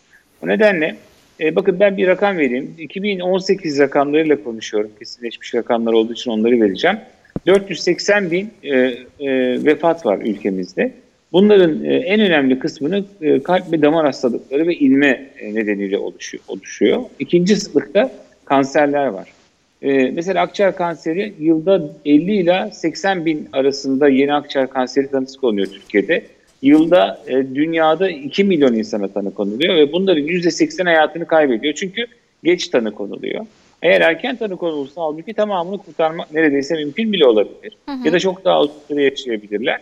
Özet, e, akciğer kanseri gibi ertelenmemesi gereken hastalıklar bile erteleniyor. Şimdi ben ne yapıyorum günlük pratiğimde? E, kanser hastalarını kendisini ve birinci derece yanında kalacak olan refakatçisini en az iki tane PCR ve bir antikor testiyle ve güncel tomografi ile değerlendirip hı hı. asla başka bir ziyaretçi almadan ameliyat etmeye çalışıyorum. Ama yine de korkuyorum. Çünkü siz her ne kadar hastayı ve e, yadık yakını refakatçi olarak ikinci bir kişi almasanız bile yine de o kişiler size gelmezden önce e, hastalıklı olabilirler. Testleri gene negatif çıkabilir. Veya o sırada sizin hastanenizin personelinden kapabilirler. Ya da taburcu olduktan sonra o kırılgan dönemde, vücut bağışıklığının iyi olmadığı dönemde hastalıklanabilirler. O yüzden gerçekten de çok hem ben hem de sürekli olarak görüştüğüm meslektaşlarım bunun çok ciddi sıkıntısını yaşıyoruz. Tüm dünyada da böyle. O nedenle ilk, ilk baştan beridir temiz hastanelerin olması gerektiğini düşünüyorum. Ee, en azından devletin ve özelin bazı hastanelerinin bu tür hastalar için sadece kanser hastaları değil yanı sıra e, kardiyak hastalıklar, e, metabolik hastalıklar, nörolojik hastalıklar, kas iskelet sistemi hastalıkları gibi birçok e, tanı ve tedavisi geciken hastalıklar için bence temiz hastanelerin olması gerektiğini hı hı. düşünüyorum. E, bunun dışında ben günlük pratikte kanser hastaları ya da tümör hastaları dışında hiç ameliyat yapmıyorum. Tamamını erteliyorum. Tamam çok teşekkür ederim. Müsaadenizle e, birçok e, konu birikti. Evet Onu, eklemelerinizi de alayım. Eklemeler hı hı, yapmak hı. isterim. Öncelikle İbrahim e, Hoca'nın e, sebep, durum ve sonuç e, ilişkisinin kurulmasıyla ilgili önermelerinin tamamına katılıyorum ve bunu çok önemsiyorum. Bununla ilgili Türkiye'de esasen yaptığımuz en iyi şey okullardaki sürecin yönetilmesiyle ilgili kurallardı. Elimizdeki tek kriter o idi. Bir kriterimiz vardı ve ben e, doğrudur, yanlıştır, eksiktir tartışılabilir ama en azından bir kriterimiz var. Ne olursa, ne yapılacağı, şoför, e, servis şoförü hastalanırsa, öğretmen hastalanırsa, çocuk hastalanırsa e, ne yapılacağını iyi kötü bildiğimiz bir kriterlerimiz vardı. Buna benzer kriterlerin olması gerektiğini, e, tüm e, alanlarda olması gerektiğini düşünüyorum ve İbrahim Hoca'ya katılıyorum. E, Necmettin Hoca'nın e, söylemiş olduğu plazma ve kök hücre tedavisiyle de ilgili erken dönemde kök hücre uygulamalarının ve plazma tedavisinin ilk bir hafta içerisinde uygulanmasının çok yararlı olduğunu düşünüyorum. E, ve kök hücre tedavisinin fibrozis gelişerek iyileşen hastalarda da yine o fibrozisi azalttığını yani nebbe dokusuyla iyileşmenin, sertleşmeyle iyileşmenin e, halkımızın anlayacağı şekilde önüne geçebileceğini düşünüyorum. Bir soru sormuştunuz. Kimlerin e, ağır geçireceğini Evet, bilebiliyor muyuz? gözleminizi diye. alayım. Bununla ilgili e, çok sayıda e, şey var. İşte ek hastalığı olmak, 65 yaş üstünde olmak, sigara içicisi e, olmak, kan grubunun e, işte 0 A ya da AB olması, interferon e, düzeyinizin ne olduğu e, gibi e, bütün bunların hepsine katılıyorum ama en önemli şeylerden bir tanesi aslında hastalığın e, Necmettin Hoca söyledi ikinci haftasında bir anda ortalığı kötüleştiren endotolit oluşuyor. Yani damarın yüzeyini e, saran e, kılıfın e, iltihaplanması ve aşırı güç e, o, kullanılması nedeniyle e, stokin fırtınası oluşması nedeniyle bütün kılcal damarlarda bir taraftan kanama bir taraftan da pıhtılaşma oluşuyor ve organ yetmezliği gelişiyor. Hastaların büyük bir kısmını böyle kaybediyoruz. E, 65 yaş üzerindeki hastalar için demin e, şey söylenmişti. Çok fazla sayıda hastamız, e, kişimiz yok diye e, Evet. aslında giderek artıyor. Nüfusumuzun %9.1'i yani yaklaşık 7,5 milyon insan şu anda 65 yaş üstünde ve bunların yaklaşık 1.4 milyonu yalnız yaşıyor ya da bakım evinde yaşıyor. Ve bu nedenle bu kişilerin de bakımları çok önemli. Özellikle de bu pandemi sürecinde bu kişilerin çok ihmal edilmemesi lazım. Onlar çok etkileniyorlar bunlardan.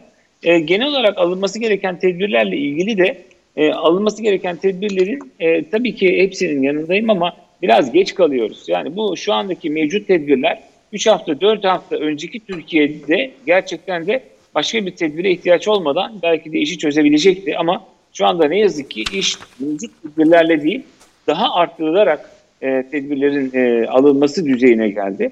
O nedenle de belki tamamen kapatmanın dışında da halen mevcut tedbirlere ilaveten küçücük bile olsa aslında etkisi büyük olan önlemler e, e, alınmalı diye Mesela düşünüyorum. ne diyorsunuz Celalettin Hocam? Onları söylemek isterim. Mesela tüm iş yerlerinde her 10 kişiden e, daha fa- 10 kişiden daha fazla e, çalışan iş e, çalışan olan iş yerlerinde bir pandemi sorumlusu olmalı.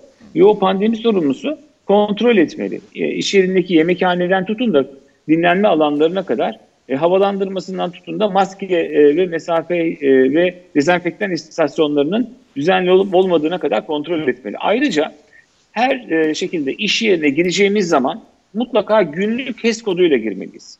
E, şimdi HES kodunu insanlar ekran resmini çekiyorlar, öyle gösteriyorlar. Aslında o süresiz alınıyor, öyle olmamalı.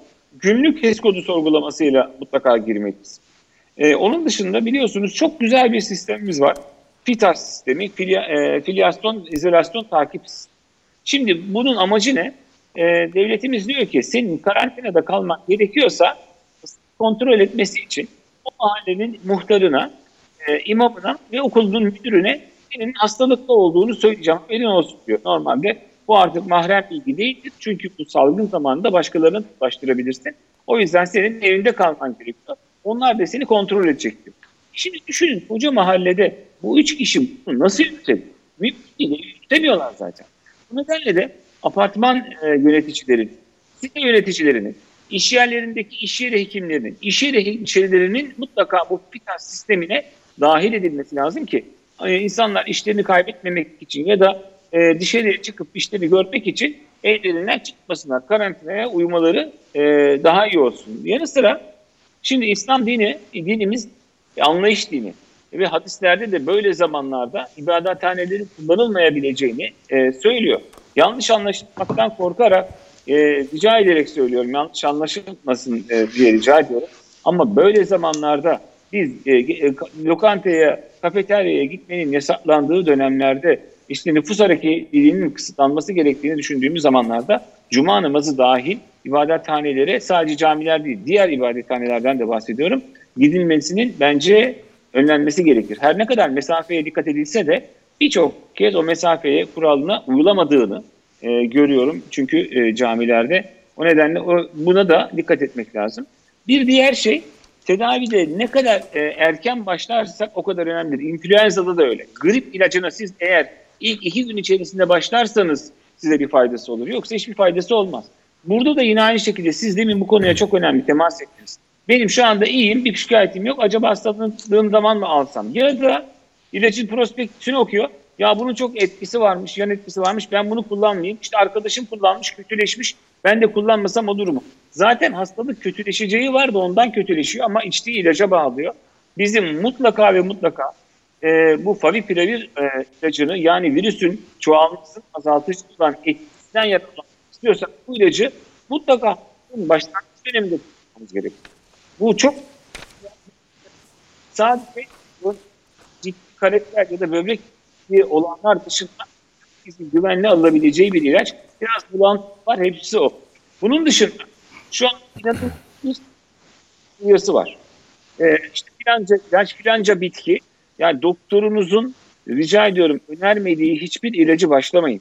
Ee, bu konuda da çok dikkat etmemiz lazım. Bitkisel ürünler ve vitamin takviyeleri eğer ihtiyacı varsa tabii ki almalı bu dönemde ama şimdi bakın biraz önce Necmettin Hoca dedi ki e, sitokin fırtınasından bahsetti. Yoğun bakıma geldiği zaman biz onları yönetemiyoruz. O sitokin fırtınasında ne oluyor? Vücudun savunma mekanizması aşırı güç kullanıyor.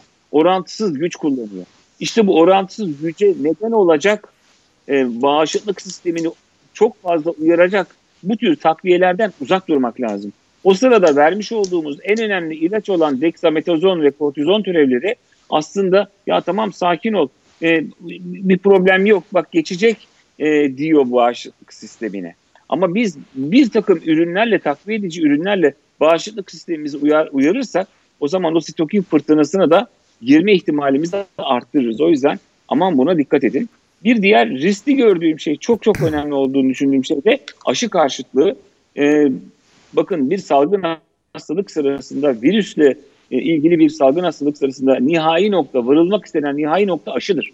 Aşı en en en önemli tedavisidir bu işin. Peki çok teşekkür ediyorum Celalettin Hocam. Şimdi İbrahim'e döneyim. Son 15 dakikam sanıyorum. Ee, biz de bir vol hazırladık. İbrahim de kendi notlarını almıştı. Şimdi e, volümüzü de göreceksiniz ekranda. Şimdi neredeyse dünyanın e, birçok süper gücü e, altın, bronz, gümüş madalya şeklinde, mansiyon ödülü şeklinde sıralandılar. Aşıların artık göreceği çıkardılar aslında. 48 aşı adayının dağılımı aslında bizim hazırladığımız volde var. Hemen hatırlatalım. Pfizer ve BioNTech'in aşı adayı %95 koruyuculuğu var. Bu arada bilmeyen izleyicilerimiz için söyleyelim. Ee, hiçbir aşının yani çocukluk çağında bir yanlışım varsa arkadaşlarım düzelsinler. Ben de geçtiğimiz günlerde hocalarımdan detayını öğrendim. %100 aslında koruyuculuğu yok. Ee, %95 çok yüksek bir oran. Pfizer ve BioNTech'te %95, Moderna'nın aşısında %95.4, Oxford'un aşı adayında da %90 e, koruyuculuğu var. Yani aşı güvenilir. E, aşının etkisi olduğu söyleniyor. Almanya, ABD, Çin, e, İngiltere önde gidiyor ve üçüncü faza gelen aşıların yakın zamanda uygulanmaya başlayacak. E, faz 1'de ne oluyor efendim? Bunun ana amacı güvenliktir. E, ikinci fazda işe doz ve doz aralıkları hesaplanıyor. Yani bir aşı kaç doz olmalı, kaç doz olursa etkili ve güvenilirdir. Onlar hesaplanıyor efendim. Birinci ve aşı, ikinci aşımayı yani faz 1 ve faz 2'yi geçen aşılar daha geniş bir popülasyonda e, deneniyorlar ve plasebo kontrollü çalışmalarla güvenilirliği, karşılaştırmalı çalışmalarla etkinliği araştırılıyor. Fazın ama ama ana amacı etkinliğin kanıtlanması ve yan etkilerin izlenmesi. Yani bizim şu anda %95 olarak verdiğimiz rakamlar faz 3'te bu süreçlerden gelerek gelen aşılar efendim ve faz 4 bir sonraki aşamada da artık ruhsat alınıyor ve aşılar pazara veriliyor. İlaçlar pazara verildikten sonra yapılan her türlü çalışma ise dördüncü faza ait. Dünya bir yılda koronavirüsün Yıl dönümü bir hafta 10 gün önceydi yaklaşık. Bir yılda biz neredeyse aşı geliştirdik ama bunlar 10 ila 20 süreyi alan, alan süreçler bir aşının geliştirilmesi. Hemen bu notları da izleyicilerimize paylaşalım. İbrahim aşıları yorumlar mısın rica etsem? Şimdi bu e, hazırladığım e, tabloyu tekrar getirirsek aslında tamam. oranın üzerinden tamam. anlatmam lazım benim. Hı hı. E, bu arada e, laboratuvarlar özel özeldeki laboratuvarlarla ilgili e, bir şey söylemiştim. E, izleyicilerden de mesajlar gelmiş güvenmeyelim evet, şöyle, diye. Hayır tabii ki ben de söyleyeyim. Özel, evet. Çok özür dilerim. Ben İbrahim'e de birkaç tepki geldi. Hani özel hastanelerdeki e, sanki testlerin güvenilirliği yokmuş gibi e, öyle birkaç mesaj aldım arkadaşlarımdan. İbrahim Bey birkaç notu var herhalde onunla ilgili. Hayır, e, zaten özel e, tıp merkezleri var, özel hastaneler var. Bunlar gayet güzel çalışıyorlar ve şu anda zaten hepsi hı hı. Sağlık Bakanlığı'nın denetiminde olduğu için vatandaşımız özel hastanelerden de gidip rahatça hı hı. E, bu testleri yaptırabilir. Şimdi aşı ile ilgili e, hem bugün e, bilim kurulunda e, sıkça gündem olan aşılarla ilgili de isterseniz. Çünkü vatandaş hangi aşıyı yaptıralım henüz daha hiçbirisi gelmedi tabii ama hangi aşıyı yaptıralım diye bir takım kafalarında soru işareti vardı. Ben de bir tablo yaptırdım. Hı. Arkadaşlar o tabloyu Veriyorlar. getirirlerse... Hı hı.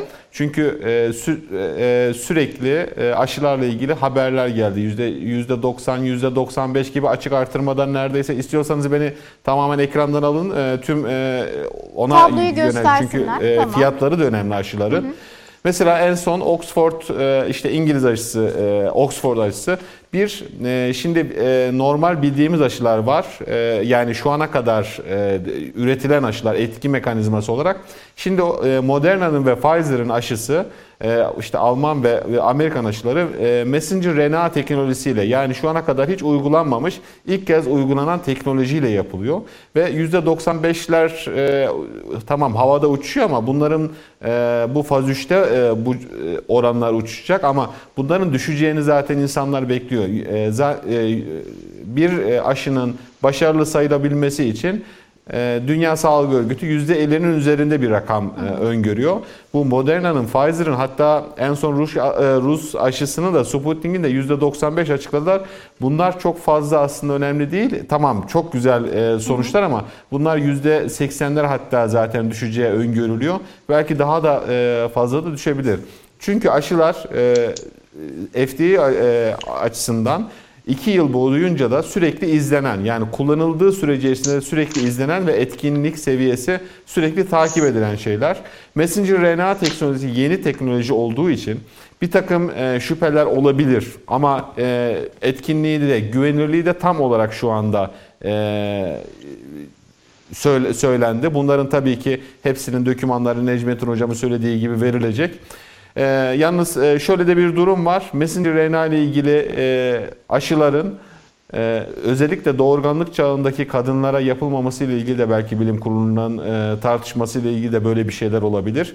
Bizim Türkiye olarak alacağımız o 50 milyon doz aşı en alttaki Sinovac aşısı. Zaten geleneksel e, işte inaktif aşı dediğimiz sürekli işte 100 yıldır kullanılan bir e, teknoloji ve saklama koşulları da önemli. Fiyatı henüz belli değil. Etkinlik seviyesinin de yakında açıklanacağı söyleniyor. İşte Türkiye'de de denendi e, bu, bu aşı.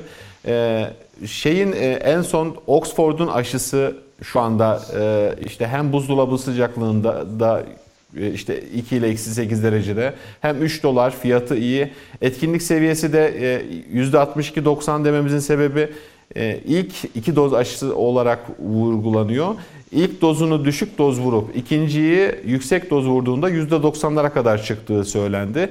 Yani etkinlik açısından, güvenilirlik açısından şu anda bir sorun yok. Sinovac aşısının etkinliği açıklanmadı. İnsanlar işte diğer aşılar %95'ler falan açıklanınca gerçi açık artırma gibi oldu bu, bu da. Ee, ama Sinovac aşısının da etkinliğinin e, üst seviyelerde herhalde olacağı tahmin ediliyor. Türkiye bundan alınacak ve gerçekten e, bunlar zaten bilim kurulu tarafından da e, işte Sputnik, Rus aşısının da Bakan Bey toksikoloji raporlarının beklendiği, onların da yani Rus aşısından da alabiliriz daha sonra. Ee, zaten diğer e, o e, şeyin Pfizer BioNTech'ten 1 milyon doz alıyoruz. İşte 25 milyon doza kadar kullanılabilir diye de söyleniyor. Burada bizim zaten e, devletin getirdiği aşıdan kullanacağız. Devlet de zaten tabii ki diğer aşılarda eczanelerde parayla satılabilecek ama diğer Sinovac aşısı 50 milyon doz olarak gelecek. İnsanlar da gönül rahatlığıyla yapılabilir diyelim. Bu arada şunu da ifade etmeden geçemeyeceğim. Bu şu anda bu gördüğünüz e, ilaç firmalarının bir kısmı aşı departmanlarını kapatmışlardı. 2008'lerde kapatmışlardı. Çok e, maliyeti fa, e, fazla ve kazancı e, çok fazla değil diye kapatmışlardı. Ama bu e, koronavirüs bize gösterdi ki koruyucu tıp her şeydir. Yani önce koruyucu tıbbı aşılar, e, aşıların e, dünya üzerinden kaldırdığı hastalıklar var. E, o yüzden her şeydir diye bu aşıları da aşı karşıtlığı falan da söylendi ama bu herhalde aşı karşıtlığı da koronavirüsün e, bu etkisini gözde e, görünce muhtemelen onlar da biraz daha azalacaktır diye düşünüyoruz. E, İbrahim bir soru bu araya girebilir aşılar miyim? kime vurulacakla ilgili de Sağlık çalışanları Buyurun. aşıyla ilgili e, birkaç cümleni toparlarsan çok sevinirim. Süreyi çok iyi kullanmam lazım. 10 dakika sürem varmış. O yüzden İbrahim e, son olarak tabii. Ha, ben o zaman hakkımı iki şeyden kullanayım. Birincisi Tamam. Benim de bir aşılar kime var. vurulacak? Bu muhtemelen gelecek hafta gelecek hafta e, açıklanacak. Bununla ilgili bilim kurulu çalışmasını yapıyor. İşte başta sağlık çalışanları 1 milyon 100 bin kişi onlara mutlaka yapılması lazım. Onun dışında da e, virüs yayabilecek e, normalde işte grip aşısını biz 65 yaş üzeri kronik hastalıklar falan diye sınıflandırmıştık ama burada öyle bir şey olmayacak. Gerçekten e, işte güvenlik işte polislerimize asker- askerimize polisimize bunlar yapılacak ve işte e, paket dağıtıcılara yapılacak. Herhalde muhtemelen böyle bir risk grubu oluşturup ilk gelen e, işte 10 milyon doz aşının işte 5 milyon kişiye yapılacak. Muhtemelen bunları kapsayacağını öngörüyorum. E, Eğer son hakkımsa benim e, sağlık çalışanları ile ilgili mutlaka bir şeye değinmem Ben şunu- lazım. Meslek hasta bu Çok koronavirüsün meslek Ha, çok özür hastalığıyla dilerim. ilgili. Evet çok özür dilerim. İzleyicilerimize belki takip etmeyenler vardır. Çünkü sosyal medyada daha çok Covid-19 meslek hastalığı sayısı mı sayılmasın mı konusu e, sosyal medyada çok daha aktif. Çok medyaya aslında ekranlara taşınmıyor.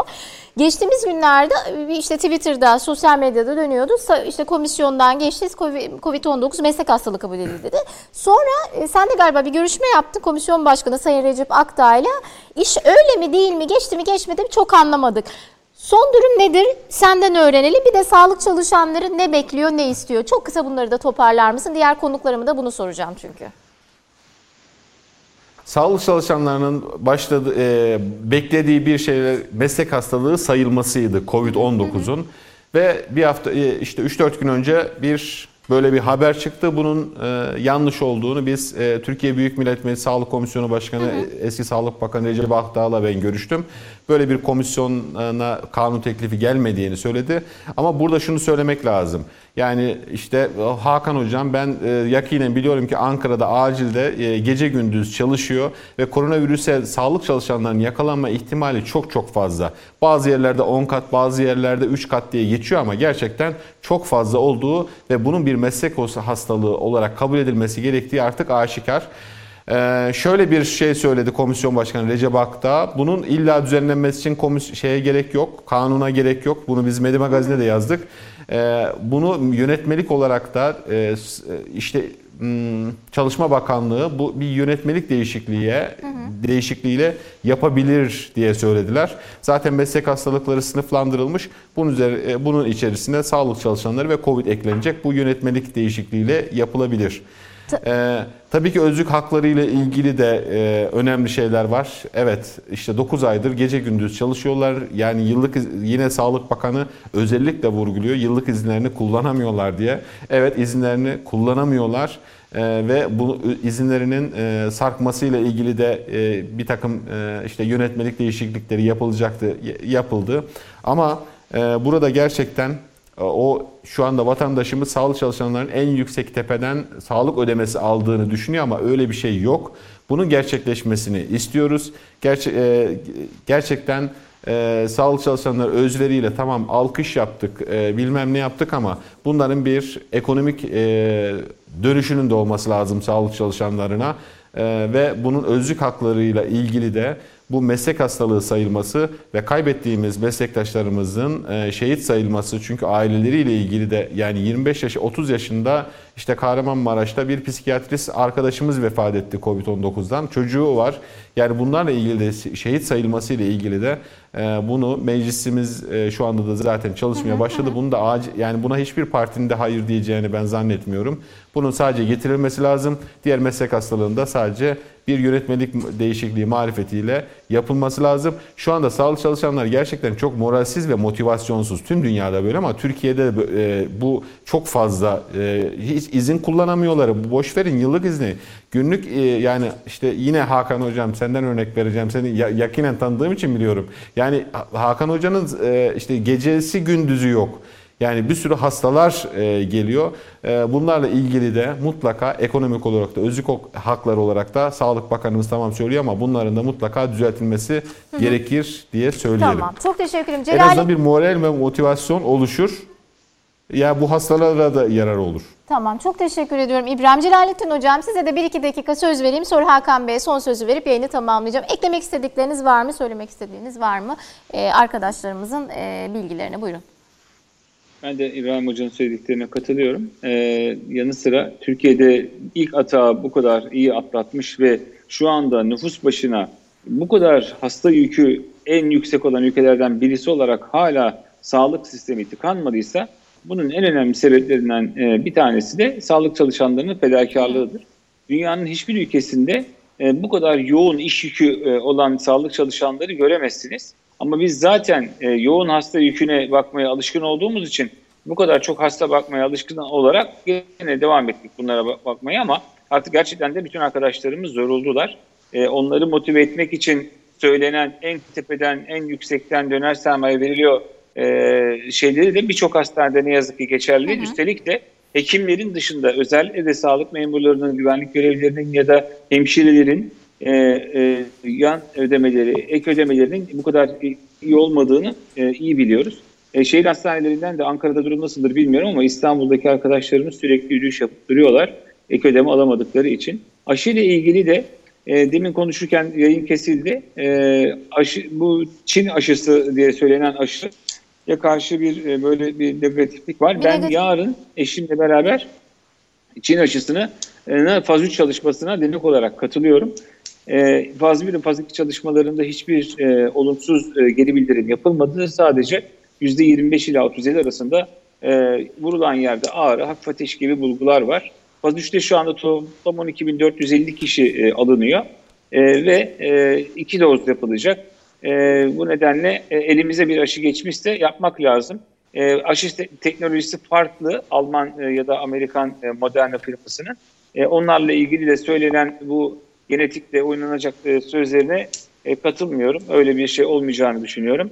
E, bu vesileyle de e, herkese Haziran ayına kadar, 2021 Haziran ayına kadar e, bu sürecin devam edeceğini, 2021 Haziran ayında artık rahatlamaya başlayacağımızı pandeminin epidemiye dönüşeceğini ve önümüzdeki sonbaharda artık e, bu hastalıktan büyük olasılıkla kurtulacağımızı bu kez gerçekten de tünelin e, sonunda ışığın gözüktüğünü çünkü aşının artık e, geldiğini bu nedenle de sabırlı olmamız gerektiğini, kurallara uymamız gerektiğini tekrar hatırlatıyorum. Herkese sağlıklı günler diliyorum.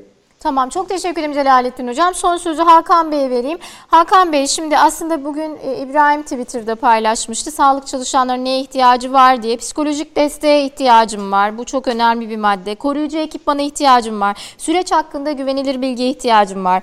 Bağışıklık güçlendirici takviye ihtiyacım var. Bu tartışılır hani takviyelerle ilgili bir negatifte bakıyoruz son zamanlarda. Çalışma biriminde insan gücü desteğine ihtiyacım var. Covid-19 hakkında eğitime ihtiyacım var. Hala böyle mi? Enteresan. Finansal desteğe ihtiyacım var. Konaklama için desteğe ihtiyacım var. Ee, diğer yönetici desteği gibi faktörler hiçbir şeye ihtiyacım yok diye bir sıralama var.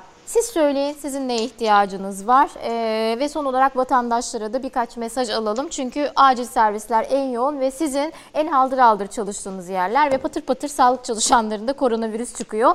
Testi pozitif çıksa bile semptom olmasa bile görevinin başında işine devam ediyor. Aileler de tedirgin. Bir toparlayalım 3 dakikam var buyurun.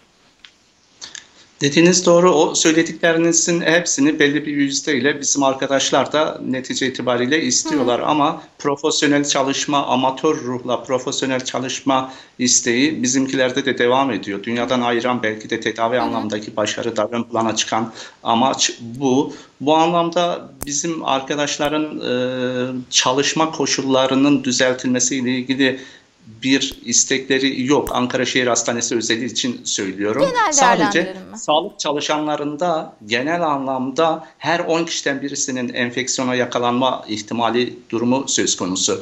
Raporlar bu şekilde ifade ediliyor ve bunların bir şekilde sürecin bu şekilde uzayacak durumda olması her sağlık çalışanının da COVID'e yakalanma riskini her gün daha da fazla artırıyor. Bu anlamda ben hem temel tıp bilimleri ihtisası yapmış hem de klinisyen olarak aşı ile ilgili sevgili İbrahim'in çok güzel özetlediği o tabloya ek olarak Türkiye'nin stratejik bir karar vererek 50 milyon dozluk bir Çin aşısını almasını kendi şahsi kanaatimce çok doğru buluyorum. Çin zaten bu aşıyı Temmuz ayının sonundan itibaren kendi vatandaşlarına uyguluyordu ve milyonlarca insan bu aşıyı yaptırdıktan sonra Çin'den Amerika dahil birçok e, ülkeye elini sallayarak hatta maske takma ayrıcalığını bile yaşamadan devam ettiler, kullandılar ve başarılı bir sonuç var. Resmi olmayan kaynaklara göre yine 90'larda %90'larda bir başarı oranından söz ediliyor geleneksel bir e, aşı türü ve ülkemizde de bunun kullanılmasının ciddi anlamda pandemide elimizi güçlendireceğini tabii ki sıfıra inme konusunda bir garanti verilemiyor ama elimizi güçlendireceğini düşünüyorum.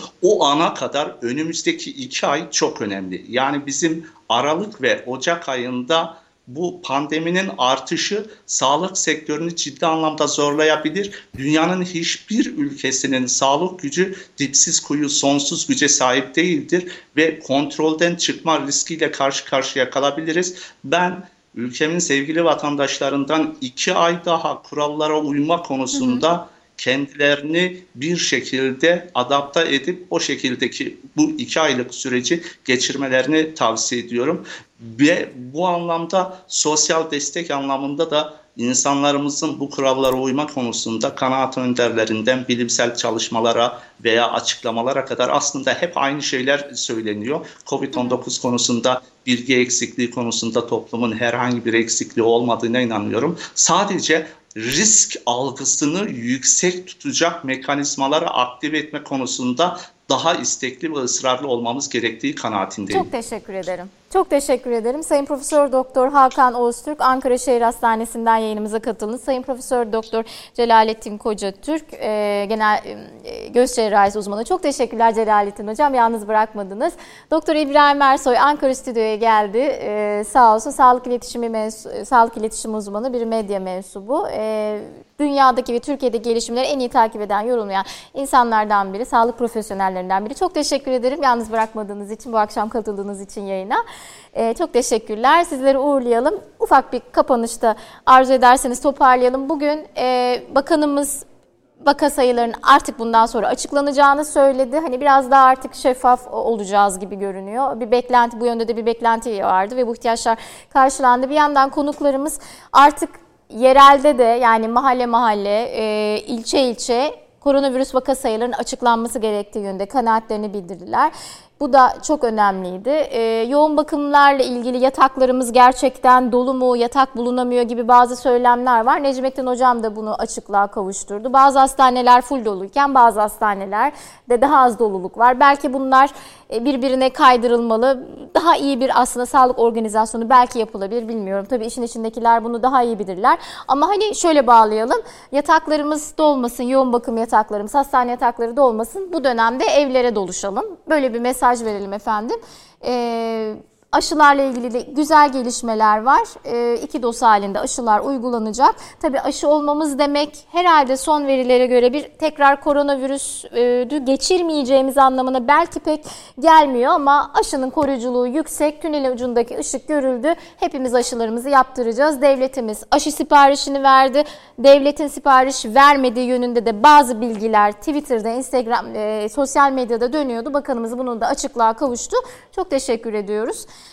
E, hepinize bir toparlamaya çalıştım. Umarım yanlış bir şey söylemedim. İyi geceler, iyi akşamlar diliyoruz. Biz de burada artık e, bugün de arkadaşlarımızın bir kısmı bilgisayarlarını aldılar, evden çalışıyorlar. Koronavirüs tedbirlerine biz de medya olarak gerçekten riayet ediyoruz. E, kanalımıza gelseniz çalışanlarımızın çoğu evden çalışıyor. Aynı hassasiyete tüm işverenlerin, e, tüm insanların da göstermesini diliyoruz. Yapanlar var, yapmayanlara da biz de bir mesaj verelim, örnek olalım. Teşekkürler, iyi geceler diliyoruz. Hoşçakalın.